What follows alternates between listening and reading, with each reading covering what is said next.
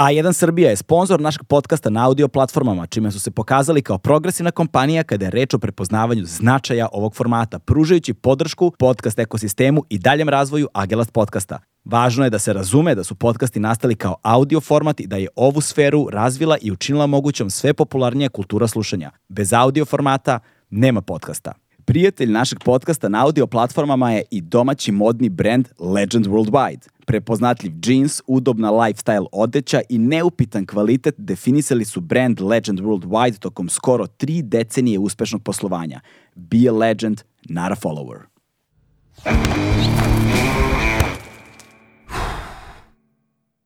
Hmm.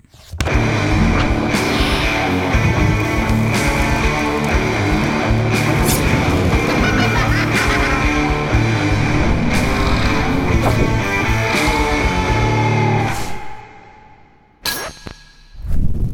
Prvi je septembar i kao što znate svake godine 1. septembra objavljujemo sada već tradicionalnu epizodu koja je posvećena obrazovanju. Gosti u toj epizodi uvek je tu sa nama Dejan Ilić iz Fabrike knjiga, koga veoma dobro znate i koji je redovni kolumnista Peščanika i čovek koji se obrazovanjem i problemima obrazovanja na našim prostorima bavi veoma dugo. Sa njime će takođe biti Aleksandar Baucal koji je već jednom gostovao kada smo govorili o obrazovanju pre možda dve godine, čini mi se, profesor na filozofskom fakultetu i čovek koji se bavi reformom obrazovanja i problemima obrazovanja, inovacijama u obrazovanju već sigurno 20 i više godina i pored toga biće Vesna Vojvodić koja je uh, iz sindikata prosvetnih radnika Nezavisnost, uh, nastavnica, profesorka srpskog jezika i književnosti koja naravno na terenu i sa i ličnim iskustvom ima uh, jako puno kontakta kada je u pitanju prosvetni rad, rad sa prosvetnim radnicima i naravno kada su u pitanju zakoni, zakonodavstvo i sve ono što prati prosvetne radnike.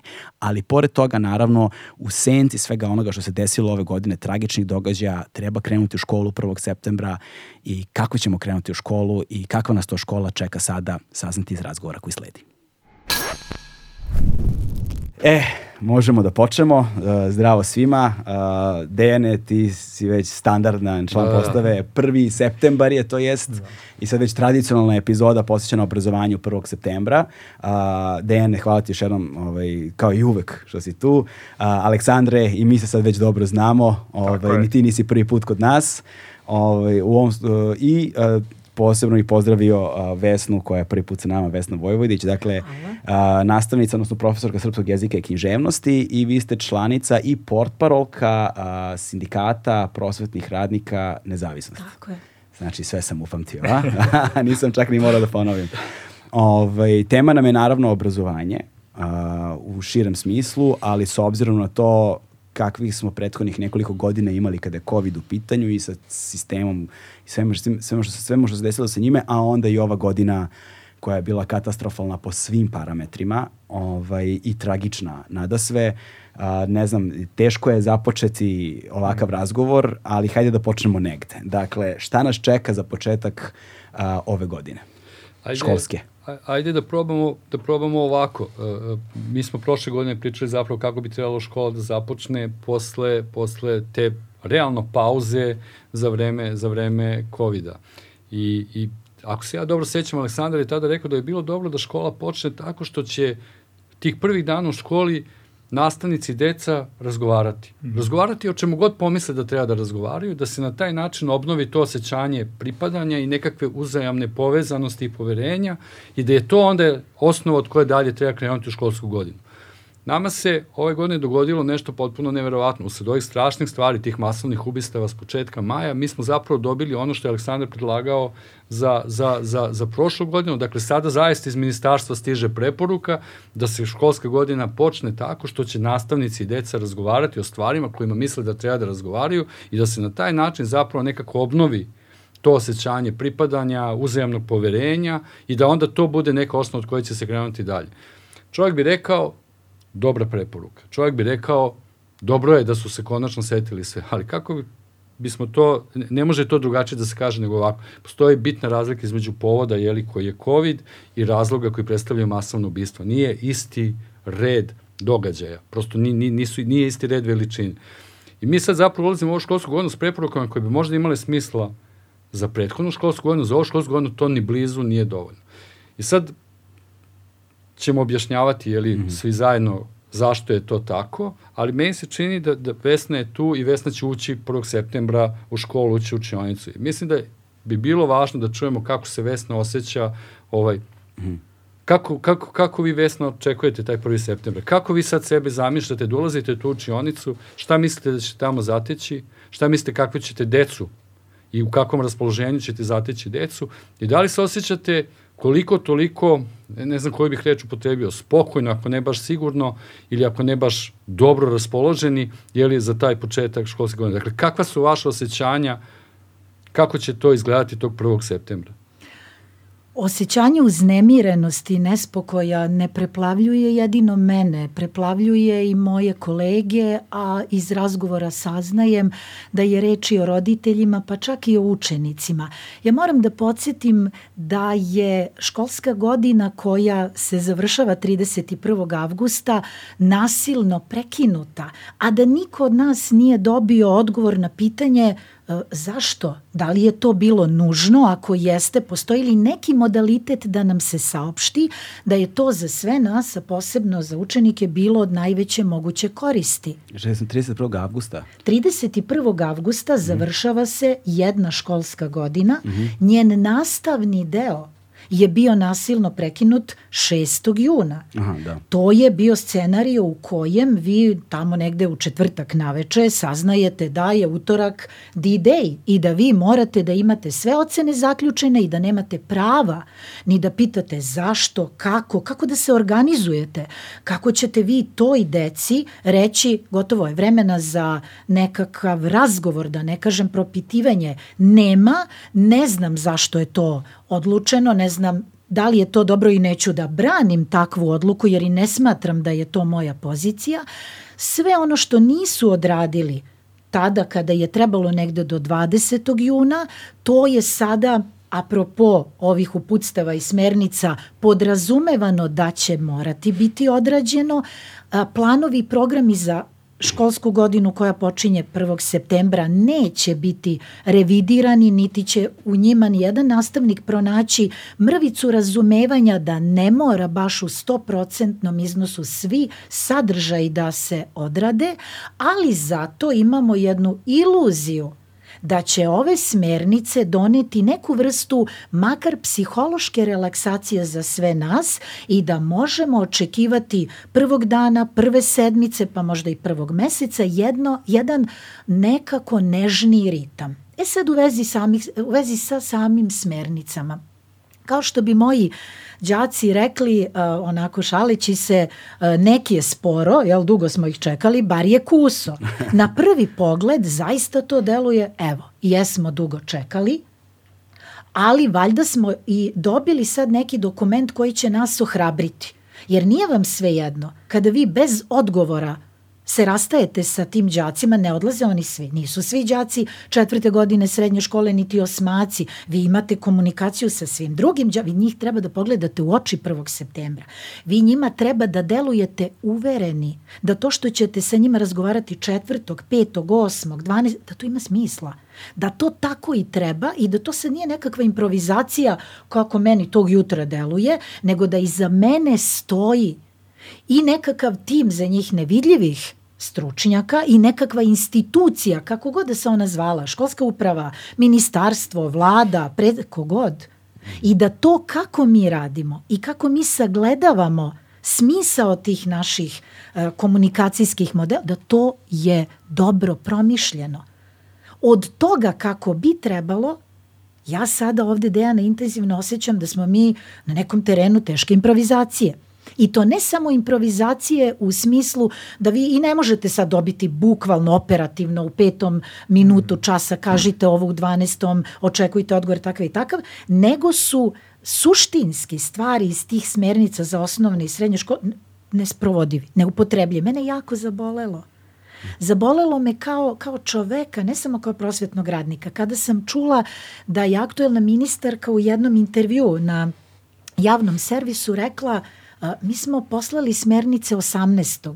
To je bio petak naveče. Znači ona, onaj dekret škola je gotova utorak, koji je stigao u četvrtak naveče, to sad imate kao neku vrstu već doživljene priče, stiže u petak naveče, a vi imate devet radnih dana jer nećemo valjda i subotom i nedeljom da budemo u komunikaciji sa đacima, u tih devet dana realizujte sve ono što te smernice podrazumevaju, a to su vam, pričat ćemo o tome, i tematski dani i razni drugi sadržaj, naravno birokratija, promenite um, godišnji plan, mm. razvojni plan, akcioni plan, operativne planove, mesečne planove, ne, znači među predmetno, to sve mora da se ispiše i ona kaže, mi smo poslali 18 da bi nastavnici mogli da stignu da se na vreme pripreme. Mislim da vam je onda mnogo toga jasno. To je, to je to, mislim, naravno da ćemo, da, naravno da ćemo o tome razgovarati sve, ali, ali i, dalje, i dalje me zanima ući ćete u učionicu i pogledat ćete se s tom decom. Kako se osjećate? Mimo svega ovoga, mm -hmm. kako ćete, imate neku ideju kako ćete se osjećati tog prvog dana? Pa ja se nadam da ću se osjećati bolje nego što mi u ovom trenutku izgleda. E, sad mi najiskrenije izgleda da ja nemam nikakvog razloga i da taj neki optimizam stvarno nema nikakvo uporište. Jer e, kao što bi rekao Dosite i zlo je ko ne zna učiti se ne da. Šta smo mi odrasli? Izvukli kao pouke i naučili da ja mogu, znate, vi kada nastupate pred mladim ljudima, Tako. vi prvo treba da verujete u sebe, Tako. da to što radite i taj vrednostni sistem koji vi nekako podržavate svim svojim bićem, tako bi trebalo da bude, da on ne stoji na nekakvim klimavim nogama, da on prosto počiva na nečemu što je vama snažan argument da se za njega uhvatite kad bi vas bilo koje dete krajnje dobronamerno pitalo, profesorka, hoće sad nešto biti drugačije. Mislim, kao kad ja pitam đake nakon pročitane knjige, da li te je promenilo? Mm. Ako jeste, u kojem smislu? Ako nije, šta misliš, zašto ti nije dodirnulo? Zamislite vi sad to mentalno stanje prosvetnog radnika koji zna da ulazi pred mlade ljude koji su neki punoletni, neki su pred punoletnom, neki su i mališani, pa tu tek treba biti senzibilisan, a da znate duboko u sebi da nas kao društvo ili ceo obrazovni sistem, bar formalno, ovo što se dogodilo nije prome, to je nedopustivo. Odnosno, promenilo je ali ta promena nije registrovana, niti Ona, se u skladu sa njom. Upravo to, nešto... to je promenilo na ljudskom planu, da.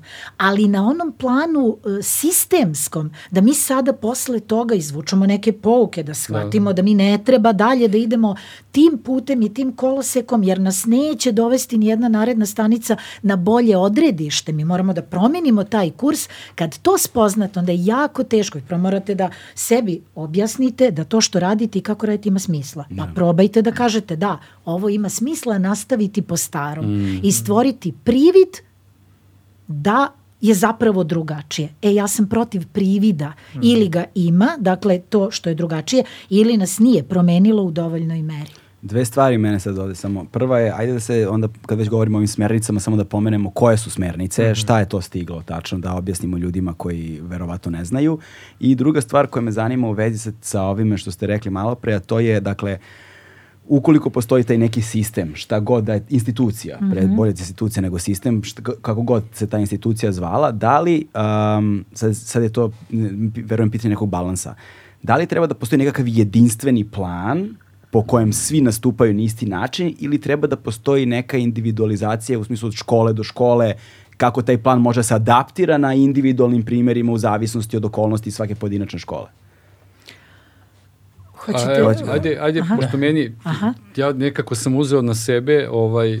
Ti si napisao i tekst ovim smernicama. Ne, ne, ali uzeo sam na sebe, ovaj, zato što znam kakva je Vesnina reakcija, da, da. uzeo sam na sebe da, da koliko god je to moguće, kažem šta u tim smernicama manje više ima smisla. Okay. Potpuno svestan, potpuno svestan. Zašto je to zapravo istovremeno jedan dobar dokument i istovremeno jedan očajan dokument. Mm -hmm.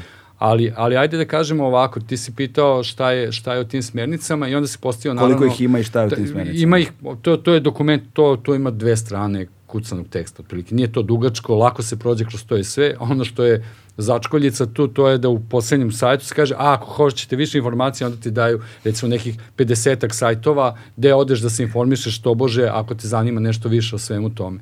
Ali, ali, ali to je drugo pitanje zapravo je uh, suština. Ti to je, to, je, to, je, to je jedino pravo pitanje. Da li ćemo se prema svima ponašati isto ili ostaje prostor da se u skladu sa okolnostima jeli, pri, uskladi ono što ćemo raditi sa decom. Ove smernice, i to je za mene stvarno veliko, velik, kako bih rekao, veliki, veliki zaokret.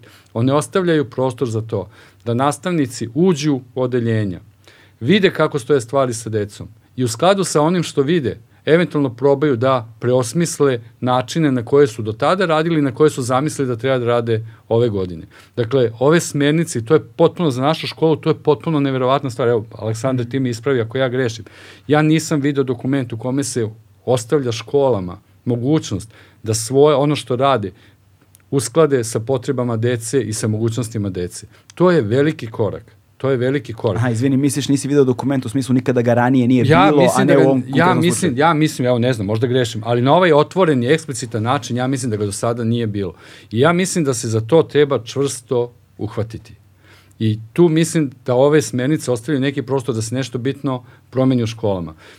Ja mogu da kažem šta je u tim smernicama, pa ako sam nešto izostavio, mm. vi me ispravite. Dakle, kaže se da prve nedelje treba razgovarati s decom, da treba razgovarati naravno o stvarima koje su dogodile u maju, da treba onda na osnovu toga postaviti pitanje nekih vrednosti, pitati decu šta o tim vrednostima misle, koje su to vrednosti, da li vide kako na tim vrednostima eventualno može da se radi, šta treba da se uradi, to bi bila jedna stvar. U drugoj nedelji se onda procenjuju mogućnosti dece, sa kojim znanjem, naravno, to je sad, taj već u tom drugom koraku se pokazuje neka vrsta podmuklosti tog dokumenta, jer oni kažu proceniti je li sa kojim znanjem deca dolaze u školu i kakve su im mogućnosti, zapravo se misli na tu naglo prekinutu školsku godinu, pa se onda zapravo hoće utvrditi dokle su deca stali ili dokle su nastavnici stali sa onim što su radili prošle školske godine i da onda odatle krenu dalje. Što ne samo da je oduzimaš recimo nekih nedelju dana da uopšte utvrdiš u kakvom su stanju deca i s kojim znanjem dolaze,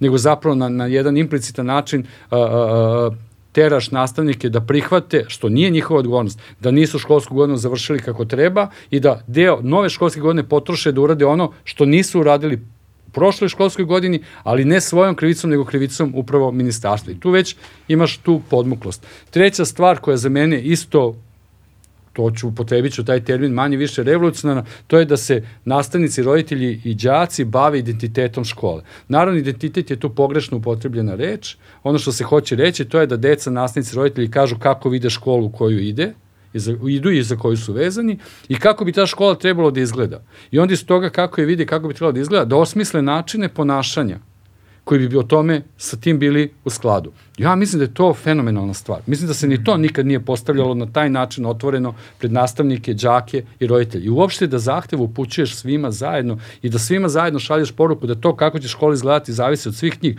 To je velika stvar.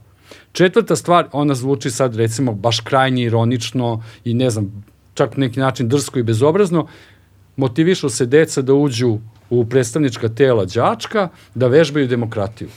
I to je stvarno bezobrazlo. Da to stiže iz ove vlade, iz ministarstva koje pripada ove vlade u Srbiji, ovako kako izgleda danas, da kažeš da deca u školi vežbaju demokratiju. Na što naravno ide odgovor, a zašta da je vežbaju? U kom to društvu će one moći to što vežbaju jeli, da primenjuju? To je četvrta i peta je preporuka, takođe jako dobra, da se otvaraju bliske veze između škole i okruženja, dakle sredine u kojoj škola radi. To je isto, kako bih rekao, nužna i fenomenalna stvar, ali, ali to okruženje će raditi protiv svega ovoga što se preporučuje da se radi u školi. To okruženje je postavljeno na potpuno drugim osnovama od onoga što se tvrdi o smernicama. Dakle, ako to otvori školu za to okruženje, ideja je zapravo da bi škola mogla da utiče na okruženje, ali će se desiti obrnuto. Okruženje će zapravo razoriti školu. Jer to okruženje u koje bi škola ne eventualno trebalo da izađe, funkcioniše po potpuno drugim pravilima od onoga što se preporučuje u smernicama. Da, to, izvini, Tako, to, to u stvari znači da čak i pod pretpostavkom da ta, ta i takva škola opstane i da ta i takva škola u, u tom svom svoj mikroklimi Tako je. Pre, zaista napravi. i uradi to Tako nešto, je. sekunde kad ti klinci izađu u stvaran svet. Sve ode dođe Sve ode dođe Tako je. Da. I to je, i sad to je to.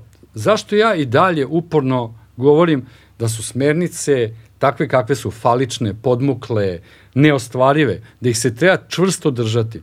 Zato što sve ove stvari o koje se nije govori su dobre stvari. Dobre stvari.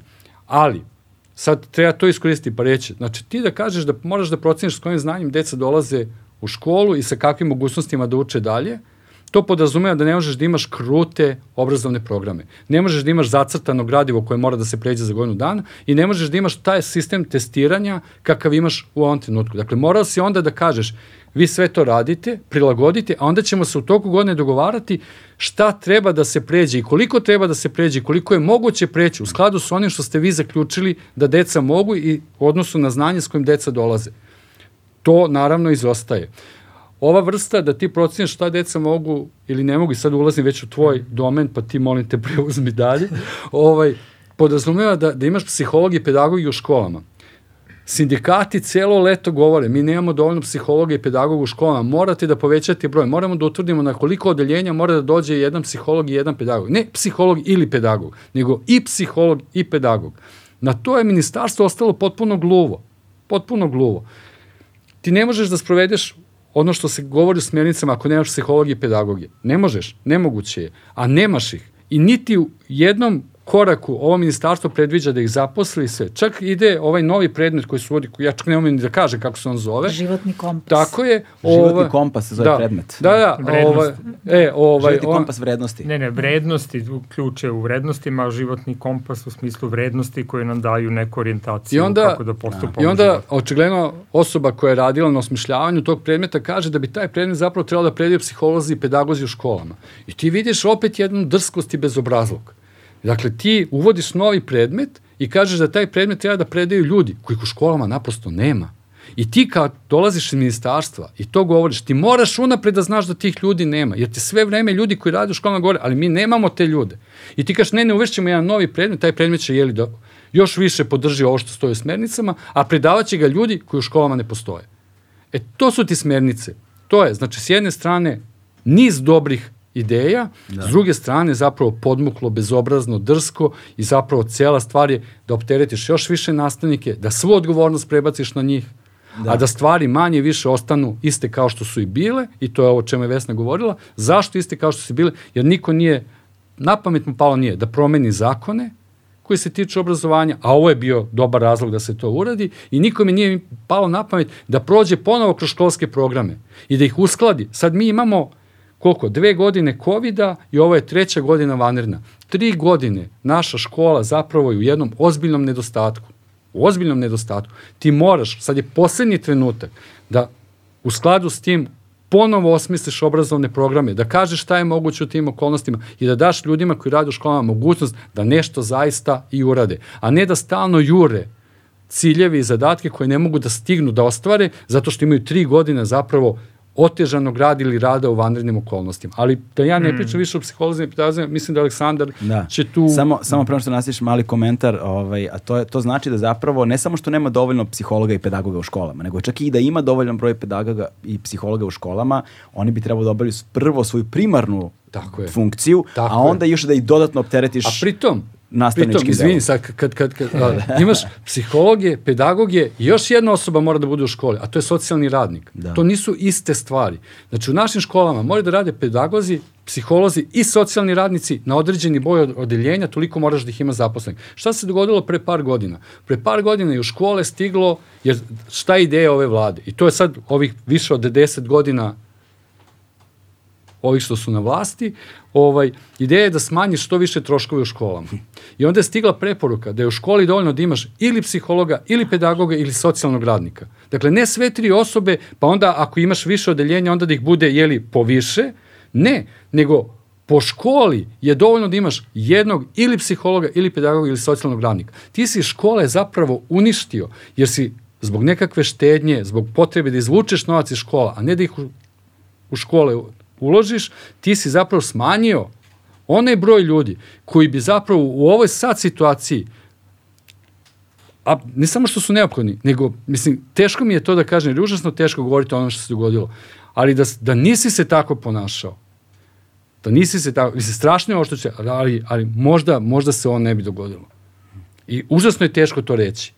Ali kako bih, mislim, ja ne znam kako drugačije da razmišljam tome nego tako da si imao sve te ljude tu, da nisi škole razvaljivao kao što si ih razvaljivao, možda, možda bi imao instrumente, možda bi imao načine Detekcije neke. da se, da se ovo izbegne. Ali strašno je ovo što sam rekao i ono, užasno mi je što uopšte na taj način razgovaram. Pa najozbiljnije. A1 je prvi prijatelj audio izdanja Agelast podcasta. Jeste, jeste. Pa, mislim sad ovde, pogledajte koliko smo stvari mi pomenuli i to je sve uvezano u jedan začarani krug koji već traje, ne znam, više od 10-15 godina. Dakle, to je čitav niz uh, reformi koje su počinjale, počinjale od nule, kretale u različitim pravcima. Dakle, mi već jedno 15-20 godina frustriramo taj sistem i on je prirodno sada otišao na neki minimum funkcionisanja. Znači, kad govorimo o ovom trenutku, treba, treba da ga stavimo u neki istorijski proces. Dakle, mi većinu škola imamo sada koje su demotivisane, ono što bi se reklo, svako je otuđen od svoje uloge. I ja često to govorim, učenici idu u školu kao da nešto nauče, nastavnici idu u školu kao da nekoga nešto uče, ovaj direktor kao on, sad je tu neki glava kuće koja uređuje tu školu da bude dobro mesto za sve one koji borave tu, Kao mislim da eto i ministarstvo ove folira da se bavi nekom nekim razvojem obrazovanja. Suštinski taj sistem dakle polako se obesmišljava i demotiviše. I to je ta atmosfera koju mi imamo u većini škola. Na sreću uvek se treba podsjetiti postoje škole koje su ovaj Černobil ovaj, neuspešnih reformi preživele i koje su iz nekog sticaja specifičnih okolnosti uspele da zadrže neku dobru atmosferu, dobre odnose u toj školi i tim školama će biti relativno jednostavno da primene mm. ove smernice, ali oni već imaju ono što ove smernice kažu. Uh, da, e sad, nezavisno od njih svakako. Tako, e da. e sad zamislite školu u kojoj su tako ljudi dolaze da odrade svoj posao gde ti odnosi baš i nisu neki, čak i da nema nekog nasilja, ali otprilike svi su onako u dobroj meri demotivisani. I sad vi dobiju, dobije ta škola te smernice i na primjer da čak i postoji dobra volja da se one uh, primene, uh, praktično, eto, recimo, učenici bi se šokirali kad bi nastavnici počeli da pričaju o nečemu u takvoj atmosferi, ti nastavnici koji oni znaju već godinama, koji samo uđe odeljenje, stave dnevnik, krenu, napišu naslov lekcije, krenu nešto da pričaju i sad taj, ta osoba koju ti poznaješ samo kao osobu koja ti priča nešto iz tog predmeta. Dvodimenzionalno biće. Da, da. od jedan put sad ta, ta osoba dođe i kaže, ja, decu, znate, ovo što se desilo, kao, pa da pričamo malo o tome.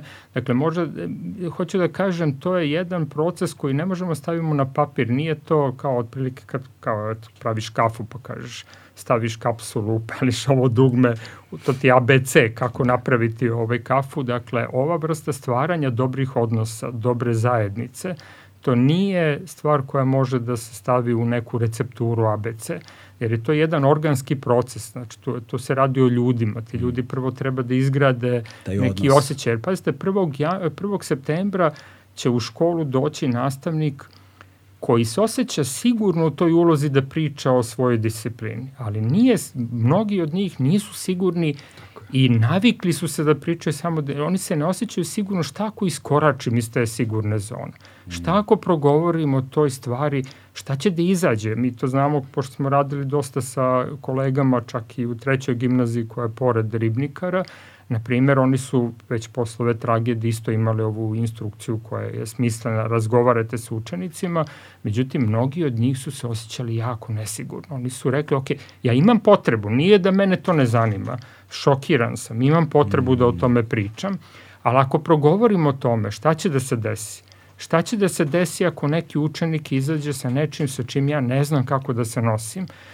Ok, sve ako mi pričamo, pa kao ta priča ide u nekom toku i tako, ali šta ako neko ako imaš dete... sreće da ide u tako toku. je, ali šta da. ako neko dete izađe sa, sa nekom traumom?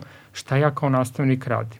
I onda te nastavnik od nesigurnosti, on se povlači u ulogu i u stvari sada uradi nešto što je još gore. Jer sad se on pojavi, u tom kontekstu on nastavi svoj čas. Mm.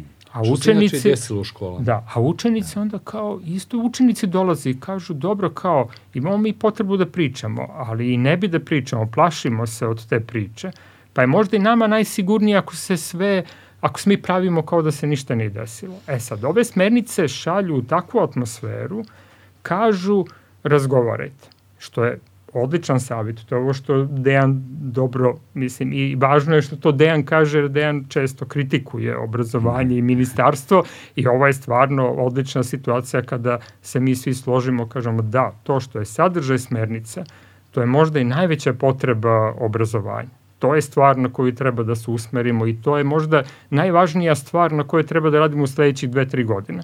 Da oživimo te škole, da ta škola postane stvarno mesto uh, gde će i učenik i nastavnik i direktor doći sa nekom životnom radošću kao sački idemo tamo, nešto ćemo da uradimo, pa će za godinu dana to biti bolje mesto nego prethodne godine. Znate koliko je to ispunjavajuće kada vi učestvujete u takvoj školi, kada vi znate da ste zajedno s drugim uspeli da nekako napravite od te škole neko dobro mesto. Nema, nema lepše stvari i postignuće.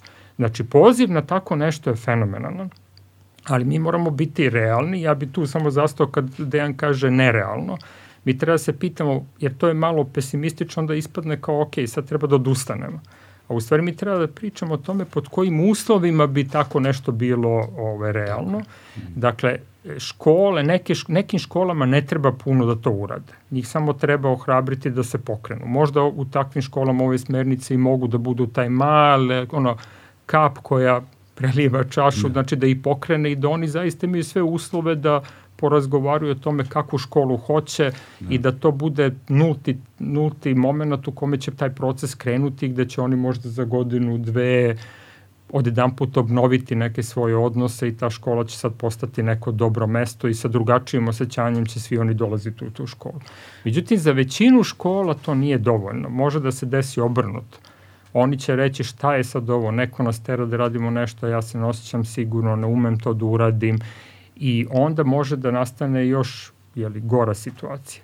Dakle, potrebno je da se fokusiramo, kažemo šta je potrebno školom. Znači, ok, neko je dobro identifikovao šta je potrebno da bude rezultat nekog procesa, ali sad moramo da pričamo sa školama i da vidimo sa tim školama šta je vama potrebno da biste vi mogli korak po korak, ne u jednoj nedelji, Pa to je besmisleno jedna nedelja. Znači, Tako to je kao jedan tehnički proces, sad kao ja uradim A, uradim B, uradim C ABC, i od jedan da. put u sledeći ponedeljak, drugog ponedeljka školske godine svi dolaze srećni, veseli, mi smo sada druga škola. To se tako ne dešava. Znači, mi moramo pričamo sa školama i da onda za, da škola oseti, kao i svako od nas, pred velikim problemom koji treba da savladamo. To ćemo savladati ukoliko imamo podršku, ukoliko nas neko pita, ok, čega se ti plašiš, šta te brine? Hajde da vidimo kako možemo sad polako da ti prvo možeš da se nosiš sa tom svojom brigom, pa kad možeš onda da vidimo šta možemo da uradimo, šta ti je potrebno, ajde da to pripremimo, pripreme uvek važna stvar, nije samo dođeš u učionicu kao šta pričamo o nečemu treba to da se pripremi taj razgovor. Tako. To je bolan razgovor, to nije razgovor o, ne znam, ja se zdržim ove čašice kafe, nije o tome kakav je ukus kafe. Ovo je jedna stvar koja je zapuštena u školama i mi sada treba pričamo o nečemu što je zapušten problem, o tom slonu koji je u staklarskoj radnji, jer mi svi znamo da je to tako, a niko ni, o tome ne priča. Mm. Dakle, dobre su smernice, ja bi tu sada probao, da, znači smernice su jako dobre, Neko je jako dobro identifikovao šta je neki suštinski problem u našim školama, e, mnogo važnije od toga da li dete nauči ovo ili ono, dakle ovo su mnogo važnije stvari, ali nekako je trebalo to mnogo više uh, pripremiti i, kažem, paradoksalno deluje da je sve to stavljeno u prvu nedelju, kaže se tamo da to treba da se radi tokom godine, ali to je moralo da bude mnogo dugoročni proces u mnogim školama. I, da, imaš samo, samo jednu stvar, uh, imaš nekoliko, nekoliko bitnih tu pitanja ili ne znam kako bih rekao, otkrića koje ove smernice zapravo nam pokazuju. To, a to je Vesna rekla, mislim da je to strašno važno. Ti, taj nastavnik 1. septembra neće ući u odeljenje i tamo zateći neku nepoznatu decu s kojom treba da uspostavlja ponos. To su nastavnici i deca koji se već dobro poznaju i koji imaju neki svoj način rada i svega ostalog ove smernice ti pokazuju da nikad niko pre ovoga nije nastavnica rekao, znate šta, razgovarajte s decom. Pitajte decu kako su. Pitajte šta, dobri nastavnici to rade. Mislim, ima puno dobrih nastavnika koji inače imaju takav odnos s decom. Ali, to, su, ali to su individualne priče. Da, ali da. iz ministarstva mm. nikad nije stiglo ohrabrenje da se to uradi. Iz ministarstva oni polaze od toga da se zapravo to uopšte ne radi. Pa kao, hajde da počnemo s tim. Ali ako se to nije radilo, to što Aleksandar kaže, ako se to nije do sada radilo, kako će to da izgleda i nastavniku i detetu kad to počne da se radi. Dakle, ne može na taj način. I, i sad ove smernice, koliko god da su dobre, one ti zapravo otkrivaju čitav niz loših stvari o našoj školi. One ti zapravo pokazuju šta je to što su naše školi do danas nije se podrazumevalo, a moralo je da se podrazumeva. Dakle, smernice su na isti na, na, na jednak način i dobre i one zapravo razgoličuju očajno stanje u našim školama. Jer sve to što se savjetuje bi trebalo da budu stvar zdrave pameti. A, a oni ti kažu, to do sad niste radili, počnite sad to da radite. Pa kao je, o čemu se, o čemu mi tu pričamo? I druga stvar koja mislim da je strašno važna za smjernice, sve što se predlažu smjernicama, toga se samo ministarstvo ne pridržava. I to je i to je to je zapravo jedna od najstrašnijih stvari u vezi s ovim smernicama. Kaže se razgovarajte s decom. Prvo pitanje za ministarstvo, a s kim ste vi razgovarali? Kaže se utvrdite gde su deca u ovom trenutku, pa na osnovu toga planirajte kako ćete dalje. A s kim ste vi utvrdili gde smo u ovom trenutku i kako ste vi planirali kako ćemo dalje. Dakle, dva meseca od tog kraja maja pa do danas sindikati, nastavnici traže razgovor s ministarstvom i tog razgovora nema. Ministarstvo samo izlazi i kaže evo ovo, ovako ćete raditi. A u smernicama se kaže ne možete da izađete da kažete evo ovako ćemo sad raditi, morate prvo da vidite, da upoznate te mlade osobe s kojima ćete raditi i da vidite kako se one osjećaju, pa da onda u skladu s tim radite. Dakle, dakle to, je, to je taj ključni problem sa smernicama. One pokazuju kako se do sad nije radilo, a moralo je tako da se radi i pokazuju da ministarstvo, jako je svesno kako bi bilo dobro da se radi, ono samo ne primenjuje ni jedan od savete koje je dao, koje je dao nastavnicima. I tu nastavnici zaista ostaju na ledini. Neko im je natovario brdo odgovornosti i to kako bih vam rekao. Mislim, to da ti realizuješ nekakav program, da deca nešto prođu, pročitaju, eventualno zapamte, to je šala. Ali da ti napraviš da se deca dobro osjećaju sigurno u školi, to je ogroman posao. Ogroman. I ministarstvo kaže, da, da, ogroman posao, vi ste odgovorni.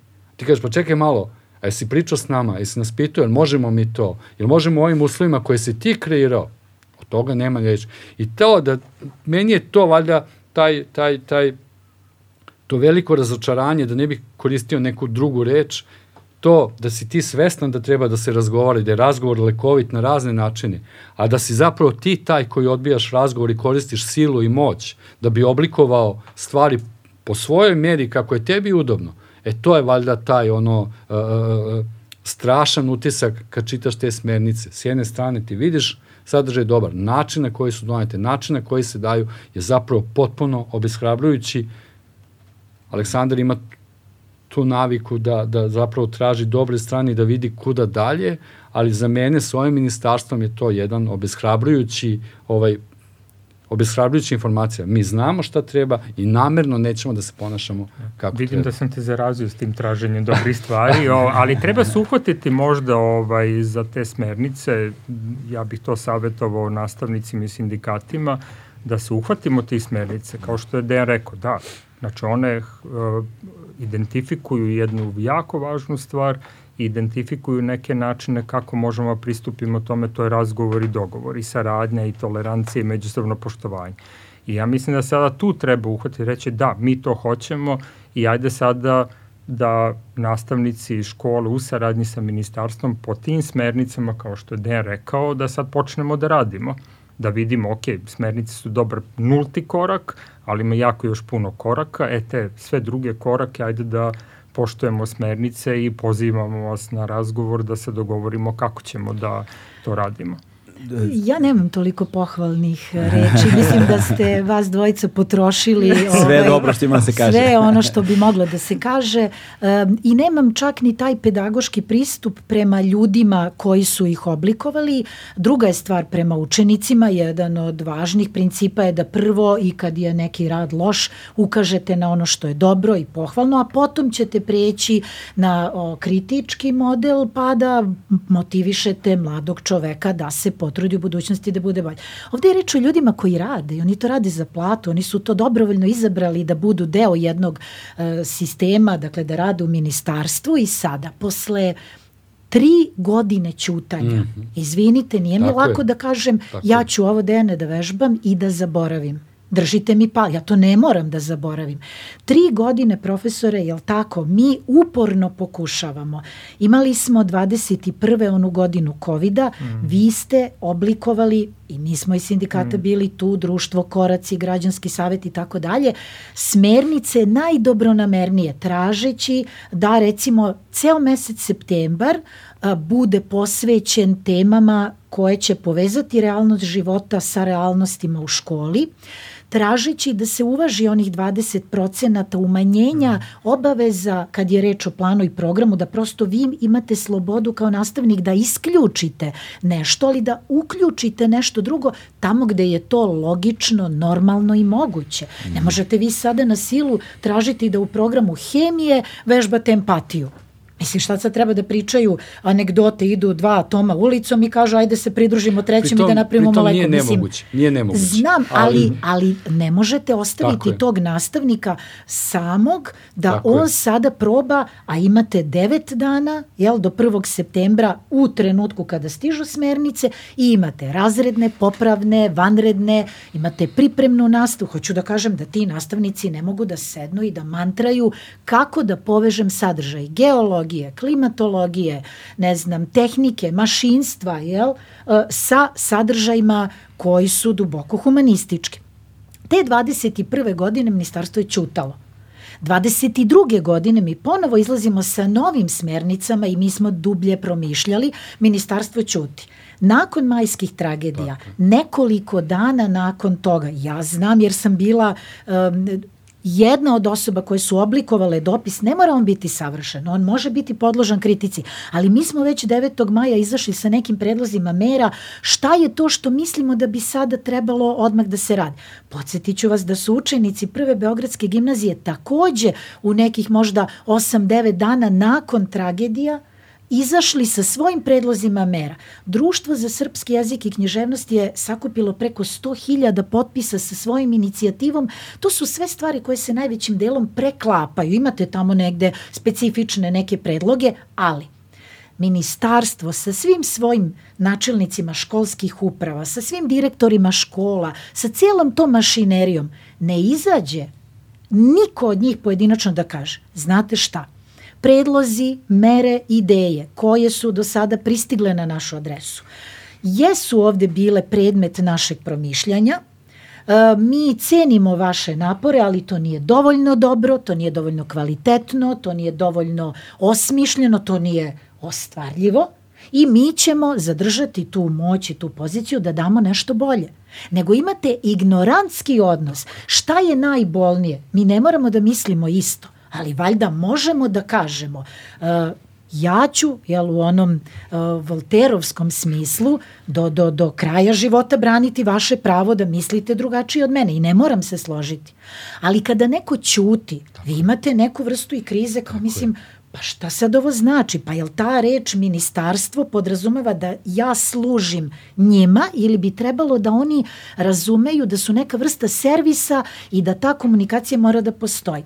E sada, šta je to što ja vidim zajedno s mojim kolegama u tim smernicama i zašto ja nemam toliko pohvalnih reči? Prvo, to nisu uh, mlade osobe u razvoju, pa da kažemo dobro je što ste, šta dobro je, pa ste se setili tri godine, ćutite.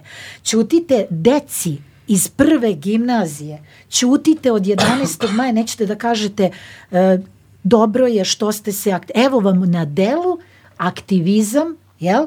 Ono što stoji u smernici. Prvo, to je vrhunska hipokrizija. A sada, kada su onim modelom mozaičkim, vi kad razložite smernicu, imate gomilu uh, pasusa koji sami po sebi su odlični. Nemate šta da im uh, zamerite, ali kada ih stavite u kontekst škole, realnosti i duhovne i društvene klime, vi onda shvatate, pa čekajte, to je ono što vi reko ste, Zar je moguće da isti, možda čak bukvalno isti ljudi, koji odbijaju bilo ko, čak i ne moraju s nama da komuniciraju, oni mogu preko sredstava uh, masovnog informisanja da se oglase i da kažu nismo zadovoljni, ali dobro je, vi ste negde na tragu, mislite još. Oni sada verovatno prepisuju iz dobre literature određena rešenja, nema ni potrebe da sad oni dostignu taj nivo nekakvim uh, mudrovanjem i tihovanjem, to već postoji, tako je, ali način na koji je to, što kažete, negde, prosije, negde se te pukotine vide koliko je to površno, koliko je to zapravo kako bih rekla, nedovoljno i nedostatno i koliko nema senzibilitet za realnost u školi. Evo primjera.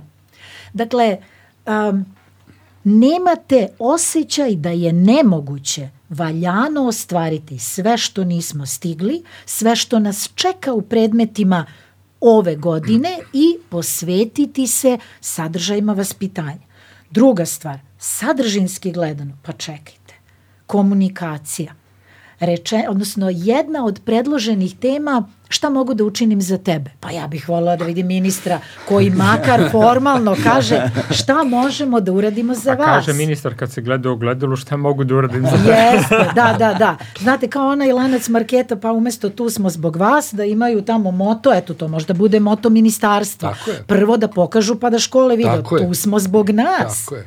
Jer oni nisu za nas i to je potpuna besmislica. Onda kad pogledate, nisu se usudili za srednje škole da daju operativno kako to može da izgleda, ali su se za osnovne malo zaigrali pa su dali neke jesu. predloge i vi onda kažete čekajte, dani demokratske kulture, jel? Ili ne znam sad, ajmo da vežbamo zajedništvo pa u različitim pred... A što se to mora na silu? Od četvrtog do osmog imate tematske dan. Pa kad će to ljudi da stignu? Tako je. Pa na šta izgleda sad Tako je. takav jedan, takva jedna trka. Znači, imate koliko sad dana, sredite sve te planove, sve to popišite i onda napravite tematske dane, dakle, deca neka imaju 5, 6 časova danas, u svakom predmetu će vežbati Pa ono što je nekad i neizvodljivo, pa vi povežite klimatologiju sa, ne znam, solidarnošću, empatijom, mislim, to će da bude takvih iskliznuća, da, mislim, čovek treba prvo da veruje da to što radi ima elementarnog smisla, da ne ispadne smešan pred đacima.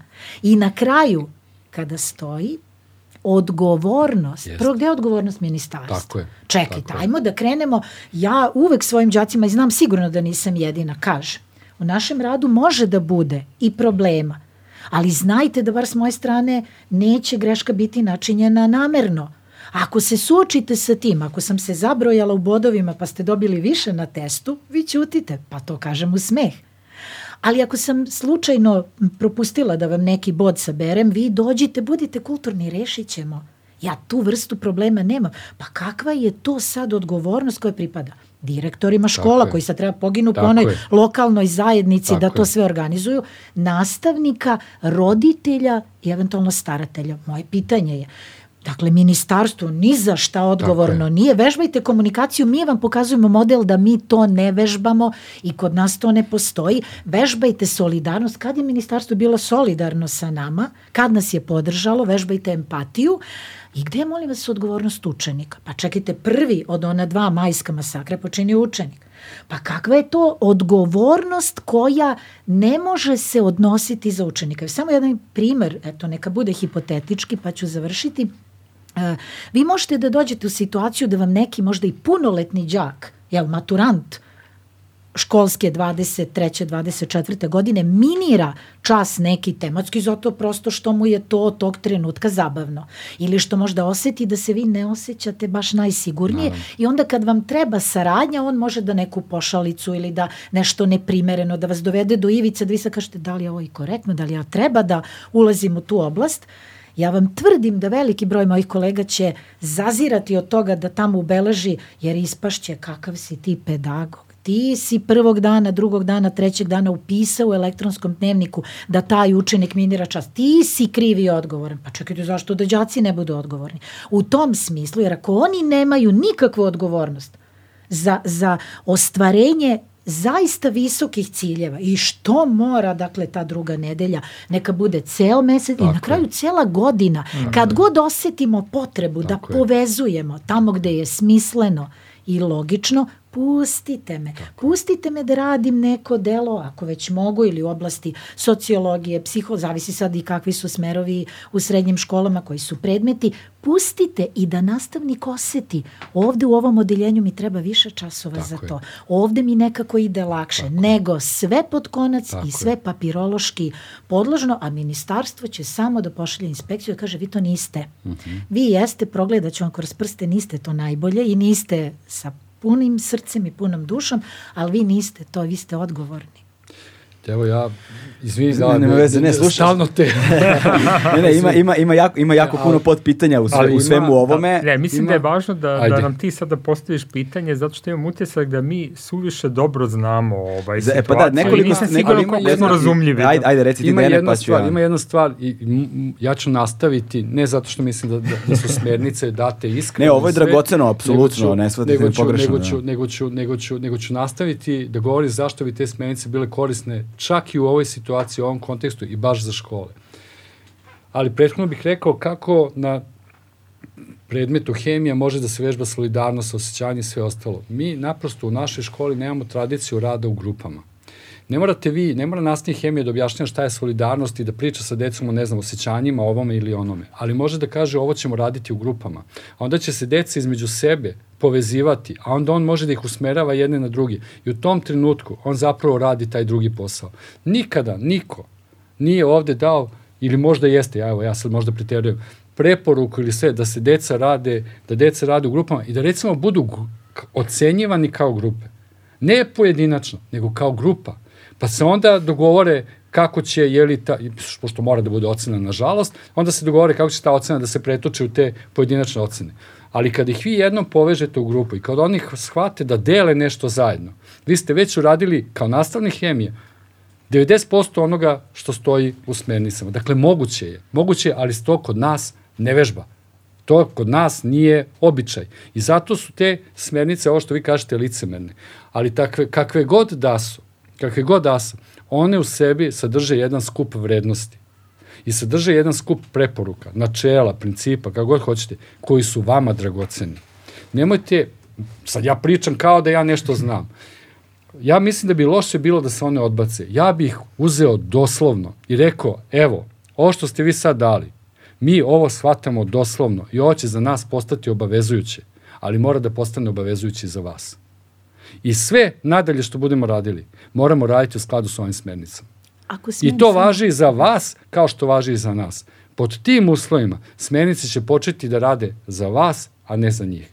Ako vi kažete vi ste bezobrazni kao što jesu, vi ste podmukli kao što jesu, vi nas opterećujete i dodajete nam odgovornost kao što sve to rade, a sebe izvlačite od odgovornosti, oslobađate od bilo kakve potrebe da nešto radite, što je sve tačno, sve istina. Vi ostajete zapravo na istoj mestu na kome ste bili. Ako vi kažete njima, iz kojih god razloga da ste doneli ove smernice, iz kojih god razloga da ste ih poslali, šta god je vama bilo u glavi kad ste to radili, mi ih shvatamo doslovno i mi ih prihvatamo. I pošto ih shvatamo doslovno i pošto ih prihvatamo, sad one postoje obavezujuće za nas, ali i za vas, jer smo deo istog sistema. I ajmo od sad pa nadalje da postupamo tačno u skladu sa onim što ste nam rekli kako treba da radimo. Kako ćemo mi raditi, tako morate i vi da radite. I to je to. Nećete tako, nećemo ni mi.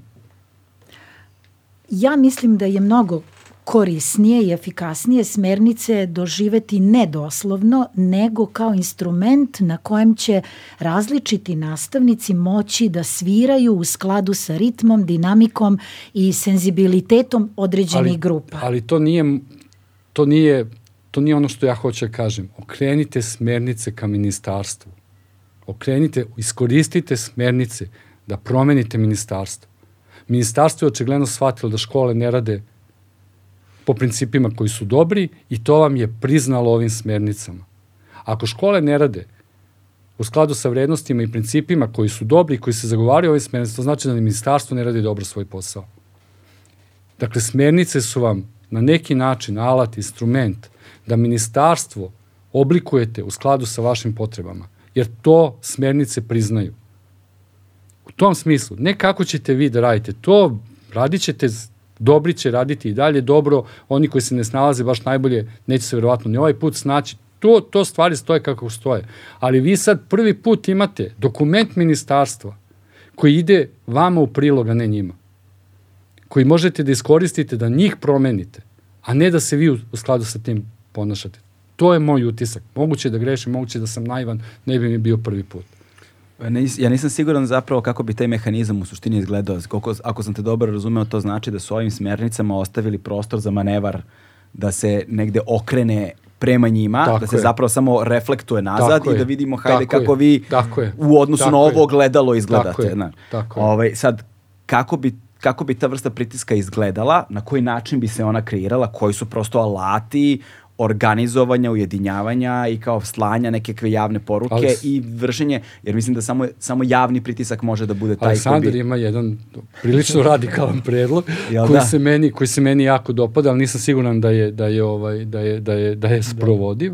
A a a mislim da tu kako bih rekao Vesna Jer, je jer, jer izvinjam se, me, ono što meni šta meni stalno ovako kao nekome onako ko laički posmatra sa strane, ono kao muva na zidu. Znači ja sam ono posmatram s polja unutra kako se Ako stvari dešavaju. varam, tvoje dete će uskoro krenuti. Vrlo Tako je, da, da, da, da. muva Kako Da, da, da, da, da. Teško da ćeš ostati muva. da, između ostalog zato i razgovaramo. Da, da. Um, imam i sebične razloge, da. Ali um, del, deluje mi zapravo da je sistem, uh, prosvetni sistem toliko urušen da je, da je, da je, da je hronično toliko loše stanje, a mi sve vreme, za, što zahteva nekakve radikalnije metode, vraćanja na elementarne ono, a, a, temelje koje bi trebalo izgraditi ponovo, na kojima ćemo tek onda kasnije Tako je. govoriti Tako je. o ovim nekim Tako stvarima, a mi zapravo, izbegavajući da pogledamo to istini u oči, sve vreme pravimo iluziju kreiranja, reformisanja, ne znam, menjanja nekakve nastave i pravimo se nekakvim formalnostima da to kao funkcioniše, a zapravo... Ali zato funkcioniše- su ti smernice dobre, jer one prvi put kažu evo kakvo je stanje u školama. S decom niko ne razgovara. Njih briga kako deca reaguju na ono što se s njima radi. Ali ne samo s njima, Prvi ni put sa vam nastavnicima neko to niko ne kaže iz razgovara. ministarstva. Da, da. Tako je. Znači To je ti... situacija kao kad imaš recimo futbolski tim i imaš dobre pojedince, Da. imaš i dobrog trenera, ali atmosfera i odnosi su potpuno poremećeni.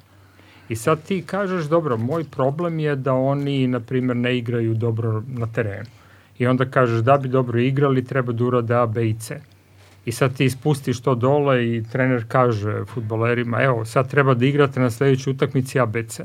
Koja je verovatnoća da bi tih 11 ljudi istračeno na teren i stvarno to realizovalo? Ako se oni međusobno ne podnose, svađaju se i Ljudski tako faktor, da. Tako, znači mi sve vreme 20 godina pokušavamo tehničkim rešenjima, novi program, novi pravilnik o ocenjivanju, novo ovo, novo ono, znači mi rešavamo tehničke probleme, a nama su problemi na drugom mestu. Nama su problemi što su svi ubijeni u pojam.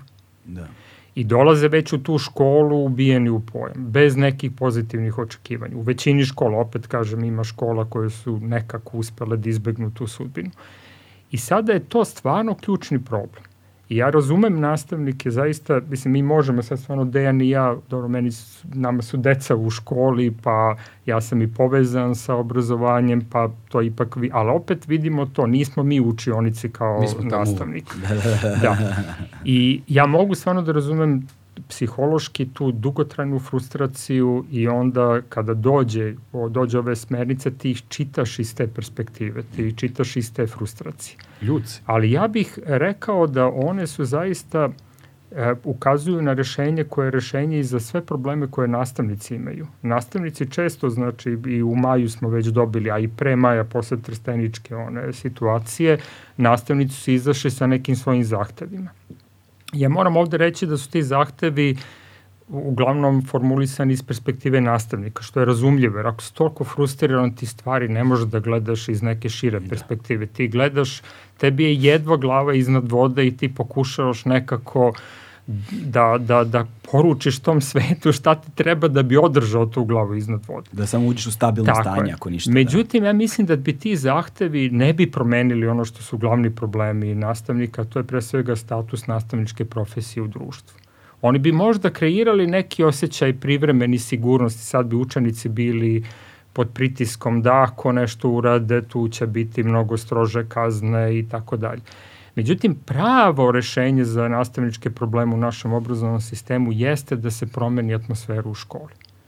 Jer ukoliko se promeni, ukoliko ti dolaziš u tu školu i ta deca zaista doživljavaju tebe kao nekoga koji ih uvodi u, i, u, i u vaspitnom smislu, i obrazovnom smislu, u nešto što je njima važno. Kad bi roditelji takođe videli da to vreme koje dete provede u školi zaista priprema tu decu i da će zbog toga ta moja deca sutra u životu biti sposobnija da nađu svoju, kako se kaže u američkom ustavu, sreću u životu mm. i da tragaju za tom ovaj, srećom, ja bih onda bio zahvalan toj školi, tim nastavnicima i onda bih ja kao građanin rekao, to je meni užasno važno, jer vidim da moje dete se tamo dobro osjeća, vidim da, da ono što se tamo dešava njega ojačava za budući život, a nema veće stvari, važnije stvari za roditelje, jer mi svi znamo da ćemo da, jeli, jednog dana naša deca će živeti bez nas. Da. I nama je najvažnije da budemo nekako eto, sigurni da će oni biti opremljeni za taj život. Dakle, onaj ko bi meni to ponudio, ja bi,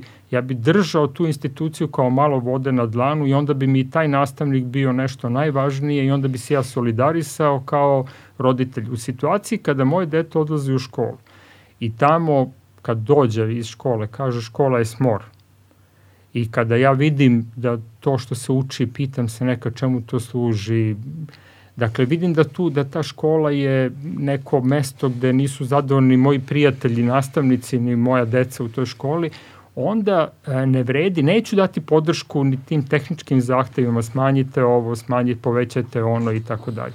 Šta hoću da kažem? Mislim da je ovo vrlo važan dokument, jer kao, bez obzira što ima puno razloga veoma opravdanih da, da ga odbacimo i da razgovaramo o tome kako je su bili loši motivi, kako je to samo služilo da se stvori iluzija u javnosti da se nešto radi. Što je sve tačno. Puno, sve tačno. Ali treba se uhvatiti za to, jer ja mislim da i problemi naše dece u školi i problemi obrazovnog sistema i problemi nastavnika, svi se oni prelamaju i sažimaju u toj činjenici da je škola, kako ja volim da kažem, kao mesto gde su došli i zauzeli dementori iz Harry Pottera i koji su isisali sve srećne misli iz svih aktera i sad mi to treba da oživimo. Znači, da. to, to je ključ. I onda, ja znam da je to jako teško, jer je lakše reći smanjite nam broj učenika, povećate ovo, to su tehničke stvari ali te, te, sva ta tehnička rešenja neće promeniti ono što je suština problema ako ne promenimo atmosferu u, školi, u većini škola. I zato ja mislim da bi trebalo e, i možda sindikati, bez obzira što to možda nije kako bih rekao, nije tako izvestan put ka nekom boljitku, ali da se treba uhvatiti toga i ovo kao što je Dejan sugerisao, prvo okrenuti smernice prema ministarstvu i reći dobro, hoćemo, ali i vi primenite smernice prema nama i ajde sednemo onda da napravimo jedan ozbiljan Tako plan. Ne ovo za jednu nedelju, nego ok, Tako slažemo se oko toga gde treba da stignemo, da. ali taj put je dugačak i mi moramo da ga putujemo zajedno i da bi ga putovali zajedno prvo moramo sednemo i da razgovaramo. Mm. ovaj kao mi sa učenicima, tako vi sa nama, pa da onda napravimo neki zajednički plan oko koga ćemo da se usaglasimo, e onda kad imamo taj plan putovanja, onda ćemo i mi nastavnici reći, pa dobro, pošto smo mi učestvovali u pravljenju ovog plana putovanja, onda normalno ono za mene ima smisla i ja ću učiniti neki napor da ga sprovedem zajedno sa mojim kolegama i učenicima i direktorom u mojoj školi. I ok, priznajmo svi da će početni koraci biti teški, priznaju svi da će biti puno lutanja, možda ćemo i grešiti, ali ako se sve to dešava u nekoj atmosferi da, da smo prepoznali da zajedno radimo na nečemu što svako vidi kao dobro za sebe, to će nam onda dati neki prostor i da grešimo i da lutamo, ali ćemo tako napredovati. Alternativa toga je da čamimo u istoj situaciji. Znači, meni je najveće, najveća briga da će 1. septembar u mnogim školama biti u stvari početi kroz jedno foliranje. Nastavnik će nešto da kaže, možda par rečenica u skladu sa smernicama, učenici će kažu nešto, par nekih ovaj, tipičnih rečenica i onda će reći, ok, sad smo razgovarali, evo pređemo na nešto ovaj, drugo. Jer zašto je to najlošije? Najlošije je zato što će to značiti da mi nismo ništa naučili iz ove tragedije. A ja stvarno, ono ko što je Dejan rekao i ja se to pitam, ako mi ne naučimo iz ove tragedije, šta treba da nam se desi da, da bismo mi rekli, ej ljudi, ovo mora da stane i da vidimo kako god znamo i umemo da preusmerimo ovaj proces, jer ovaj proces ide samo ka još lošije stvari. Znači, ako danas ne uhvatimo ovaj problem i počnemo da se bavimo ozbiljno njim, on neće ostati isti, kao što vidimo. Nije ostao isti kao pre 10 godina. On je sada lošiji nego pre 10 godina. Znači, za 10 godina bit će još lošiji. A to znači da će škola biti još lošije mesto i za učenika, i za roditelja, i za nastavnika. A kada vi tako puno ljudi stavite u mali prostor, a svi se oni loše osjećaju, onda je, to vam je kao bure barut. Samo je pitanje kada će da dođe ona iskra i da se opet desi nešto novo. Ne da Bože se desi ovakva tragedija, ali dovoljno se desi kao ono u Trseniku. Dakle, i to je dovoljno. Dakle, da, to je isto bila velika... To je stvarno velika, da, veliki događaj za Znaš to, da, da. da, kako su nastavnici engleskog, ili tako? Čini yes, mi se... izmaknuta stolica. Da, da, da, da, dečaci. Da. Zamisli kakva situacija treba da bude i kakva atmosfera treba da bude da prvo meni recimo sad padne na pamet da dođem tu kod tebi da ti izmaknem stolicu. Da. Pazi, da mi padne na pamet A onda posle toga kad mi padne na pamet da kažem sebi u što je to dobar fazan. Da. Pa onda kad kažem sebi da je to dobar fazan, da, da razmislim kako bi to mogo da, da izvedem. Pa onda i kad to smislim da to izvedem. Koja atmosfera među nama treba da postoji da bi se ceo taj sled događaj odvio i da se desi ono što smo videli mi, na Mi smo ovde u jednom već razgovarali o tome, ovaj, mislim ne mi, mi nego mhm. -huh. u jednoj od epizoda sa nekim, sa jednim od gostiju sam već raz, po, pominjali smo to, pričali smo o tome zapravo gde, gde smo detektovali e, dvosmernu ulicu kada je problem u pitanju. Na obe strane zapravo, zapravo postoji problem. Uh, A, jedan je način na koji javnost reagovala Tako i je. jedan je način na koji uh, imamo oštru, oštre sankcije, ne znam, o isključivanju. Odnosno imamo sistem u kojem niko ne obraća pažnju ni na okolnosti života, ne znam, tog dečaka. To pretpostavljam da ste znali da taj dečak živi u porodici, njemu majka umrla, da, da on živi s ocem. Mislim, mislim, jedan od te trojice dečaka zaista ono što sam ja mogu izvesti da zaključim, živi u teškim uslovima. Da. da si imao socijalnog radnika, psihologa, pedagoga, da je neko s njim razgovarao, da mu je poklonio pažnju, verovatno bi ga usmeravao u nekom drugom Tako. smeru. Pritom ta deca, ja, evo, sad, izvinite Vesna, vi, vi sigurno imate mnogo više o tome da kažete. Moje iskustvo s decom nije veliko kao Vesnino, ni blizu. Ali znam da deca u tim nekim godinama, čak i kad ih posmatramo kao odrasla i zrela ljudska bića, zapravo su vrlo sklona da pravi incidente o kojima uopšte ne razmišljaju. Ne razmišljaju o posledicama, ne razmišljaju. Kad se suoče, kad da. se suoče sa posledicama, onda se udaraju po glavi kao šta mi je ovo trebalo. Ja mislim, reakcija javnosti u najvećem broju je bila takva da nisu deci ostavila, bar ne toj trojici dečaka, ostavila prostor da razmisle e šta smo uradili i da li to bilo dobro ne. Siguran sam da taj prostor ostaviš deci. U ovim stvarima ovo nije bezazlena stvar, ali nije katastrofalna stvar da deca vrlo često su u stanju, ta deca koja su to uradila, da shvate šta su uradili i kakve su posledice. Dakle, moraš da im ostaviš taj prostor. Nema drugačijeg načina da se odraste. Mm. Nego da praviš gluposti i da shvatiš da si napravio glupost. Kad bi u našim školama bio ostavljen prostor, sad ja kao da nagovaram da se prave gluposti u školi, ali da ostaviš prostor, da možeš da pogrešiš i da imaš vremena da shvatiš grešku i da je ispraviš, onda bi izbegavao neke mnogo tragičnije greške. Mm. Jer bi omogućio deci da, da reflektuju o svojim postupcima. To je, recimo, čini mi se, izostalo iz te priče, onda je otac tog dečaka ispričao u stvari kako on živi sa svojom decom i, i šta se tu u stvari događa i ti onda shvatiš da je to nekako tragedija na svakom nivou. Tako je. Na svakom nivou. Tako je. I moraš da, moraš da imaš aparat da se sa tim nosiš na svakom Sve nivou. Sve obuhvatan. Tako, tako, je. Tako je. Tako da to je, to je, to je, to je, e, to pa je da, moj, vezi... ali evo Vesna, mislim, mislim da, da, da, da, da, da, da, evo mi pričamo, a zapravo vi, vi to radite, vi, vi ste Da, ali sve vreme zapravo ovaj, ja uočavam u, u, u vašim perspektivama jednu o, važnu činjenicu, to je da škola ne bi smela da bude ni ono kako Ružić, bivši ministar, reče izolovano ostrvo u odnosu na društveni ambijent, niti neki mikrokosmos, a ja se bojim da do, doslovno držanje za svako slovo jel, ove smernica može da bude rizično da škola čak i ako stignemo do nekih ishoda, mm. jer svi mm. ishodi moraju da budu ostvareni, tu nema nikakva, ni, nikakvog sluha, jel? A, bojim se da oni koji imaju najveću društvenu moć, mm. najveći uticaj, ako oni ne ponašaju se ne u skladu sa smernicama, nego ne odustanu od ponašanja koje je direktno protivno mm. smernicama, mm. ne samo da ćemo mi biti mm. suočeni sa tim da ni đaci u to ne veruju, ni roditelji, Tako ni pored, nego i mi sami Tako ne možemo je. da verujemo u to. Tako Nije sad ovde samo operativno, ne znam, apropo onih grupa na hemiji, recimo, bar kod mene u školi, to kolege baš imaju jedan lep kabinet za hemiju i tu grupu ovaj, predmeta, to se i radi, ali to se čak strogo formalno sad i ne bi smatralo tematskom nastavom, jer vama rad u grupama nije mhm. tematska stvar, mm -hmm. to je samo modalitet kako izvodite, ali vi treba tematski da se vežete za neke preporučene sadržaje. To je sad razumete, posebna da, da. priča. Ja mogu takođe da, da radim, ne znam, rad u grupama ili da bude,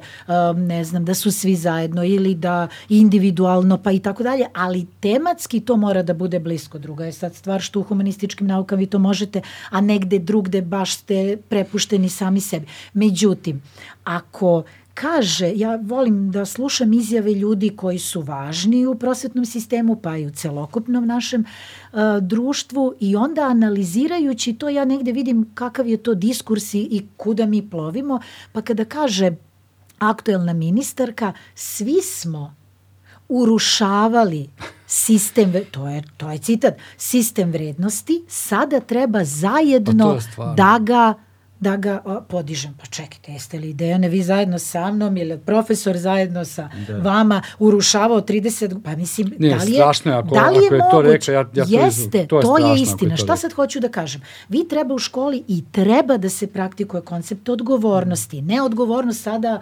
gotovo, ono, smrtna kazna mm. za, ne znam, izmicanje ili šta god. Nije stvar u tome.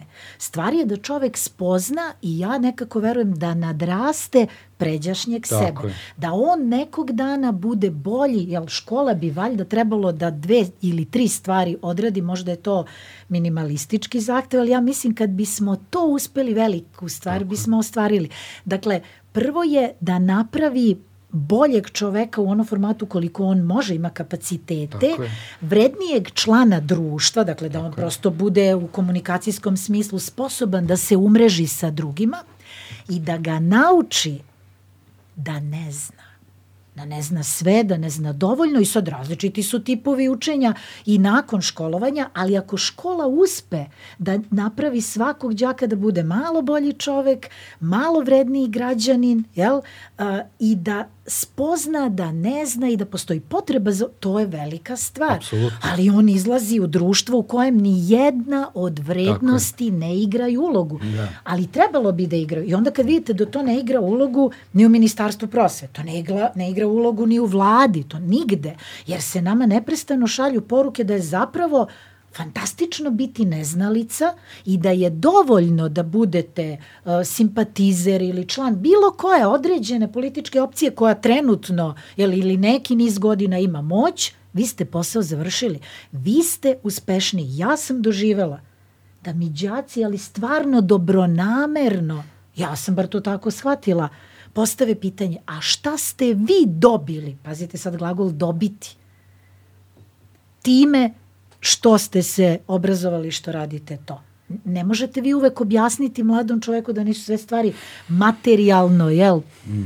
izrecive, ali na kraju krajeva dolazimo i do toga da ako je potreban empatičan nastavnik, ohrabren, osnažen, motivisan, stabilan, ne može on sad zbog svojih egzistencijalnih problema u porodici unezveren šta će i kako će, pogotovo sad posle ovog umanjenja uh, za godišnje odmore, da sad živi u nekakvoj nadi bit će bolje 6. oktobra jer su mi uzeli tamo 12, 13, 15 procenata mi umenjena, ne znam, plata, a dobit ću 5,5 procenata mm. više i sad on u tom uh, vakumu, jer i njegova deca kreću u školu i toj deci su potrebne uh, razne stvari okay. od patika, pribora za pisanje, da to dete ne bi se osetilo ekskomunicirano, jer dovoljan jedan prezriv pogled pa da to dete doživi nešto o čemu nije mm. vam zgodno ni kao nastavniku da pričate, da li ono što su različitosti među nama se tiče, ne znam, patika ili nekakvog vrednostnog sistema i tako dalje,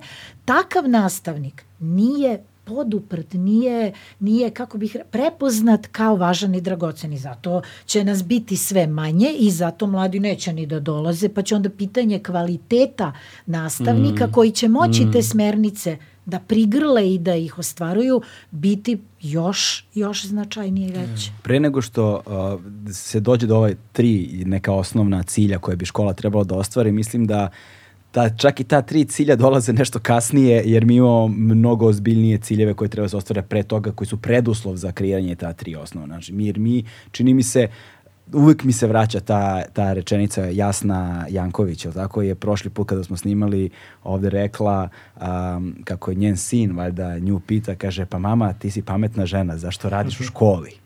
Dakle, status uh, prosvetnog radnika kao takvog a, ne samo što je društveni status prosvetnog radnika da se smatra da neko ono, radi u školi zato što je sve drugo propalo da je to kao poslednja stvar, eto mora od nečega da preživi, neku crkavicu, nešto i onda mora čak eto i u školi da radi.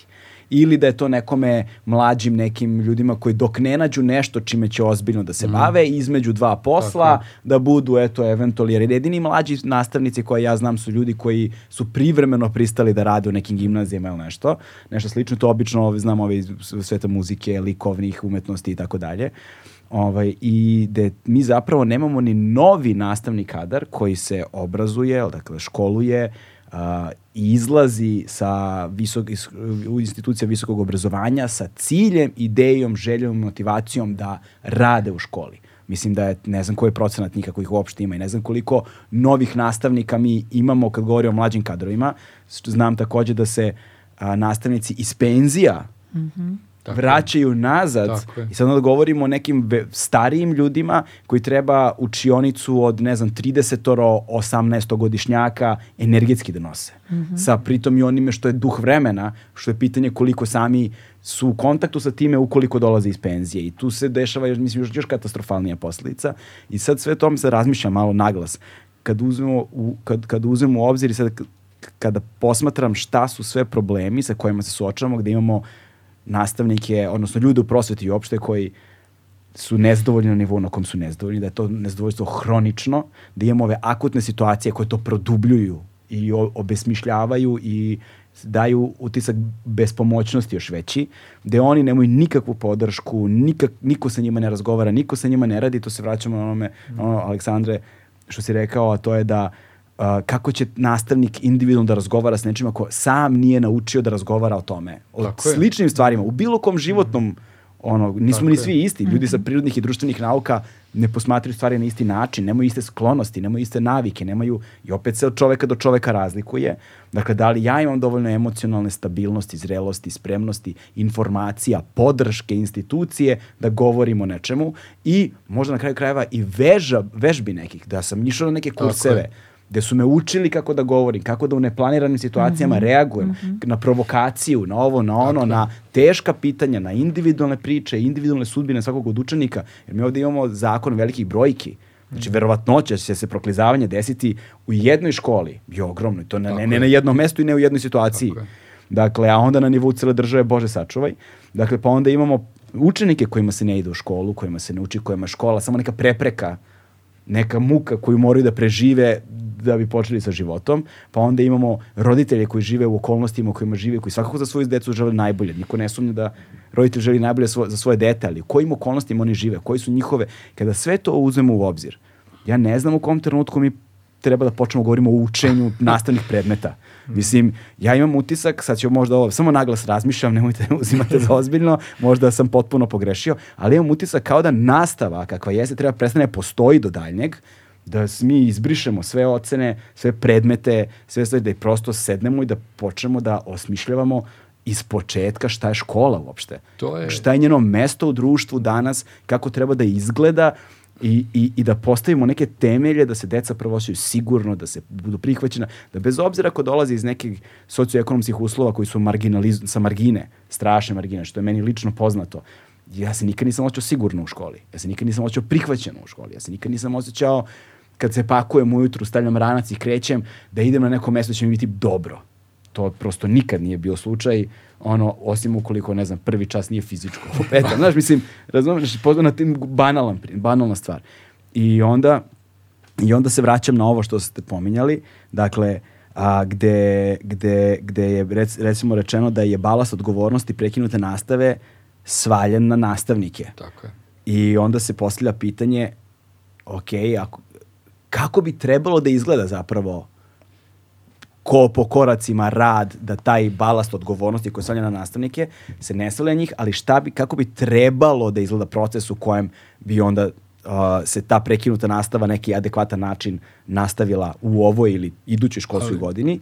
I ovaj a, a, i druga stvar koju sam video da kaže um,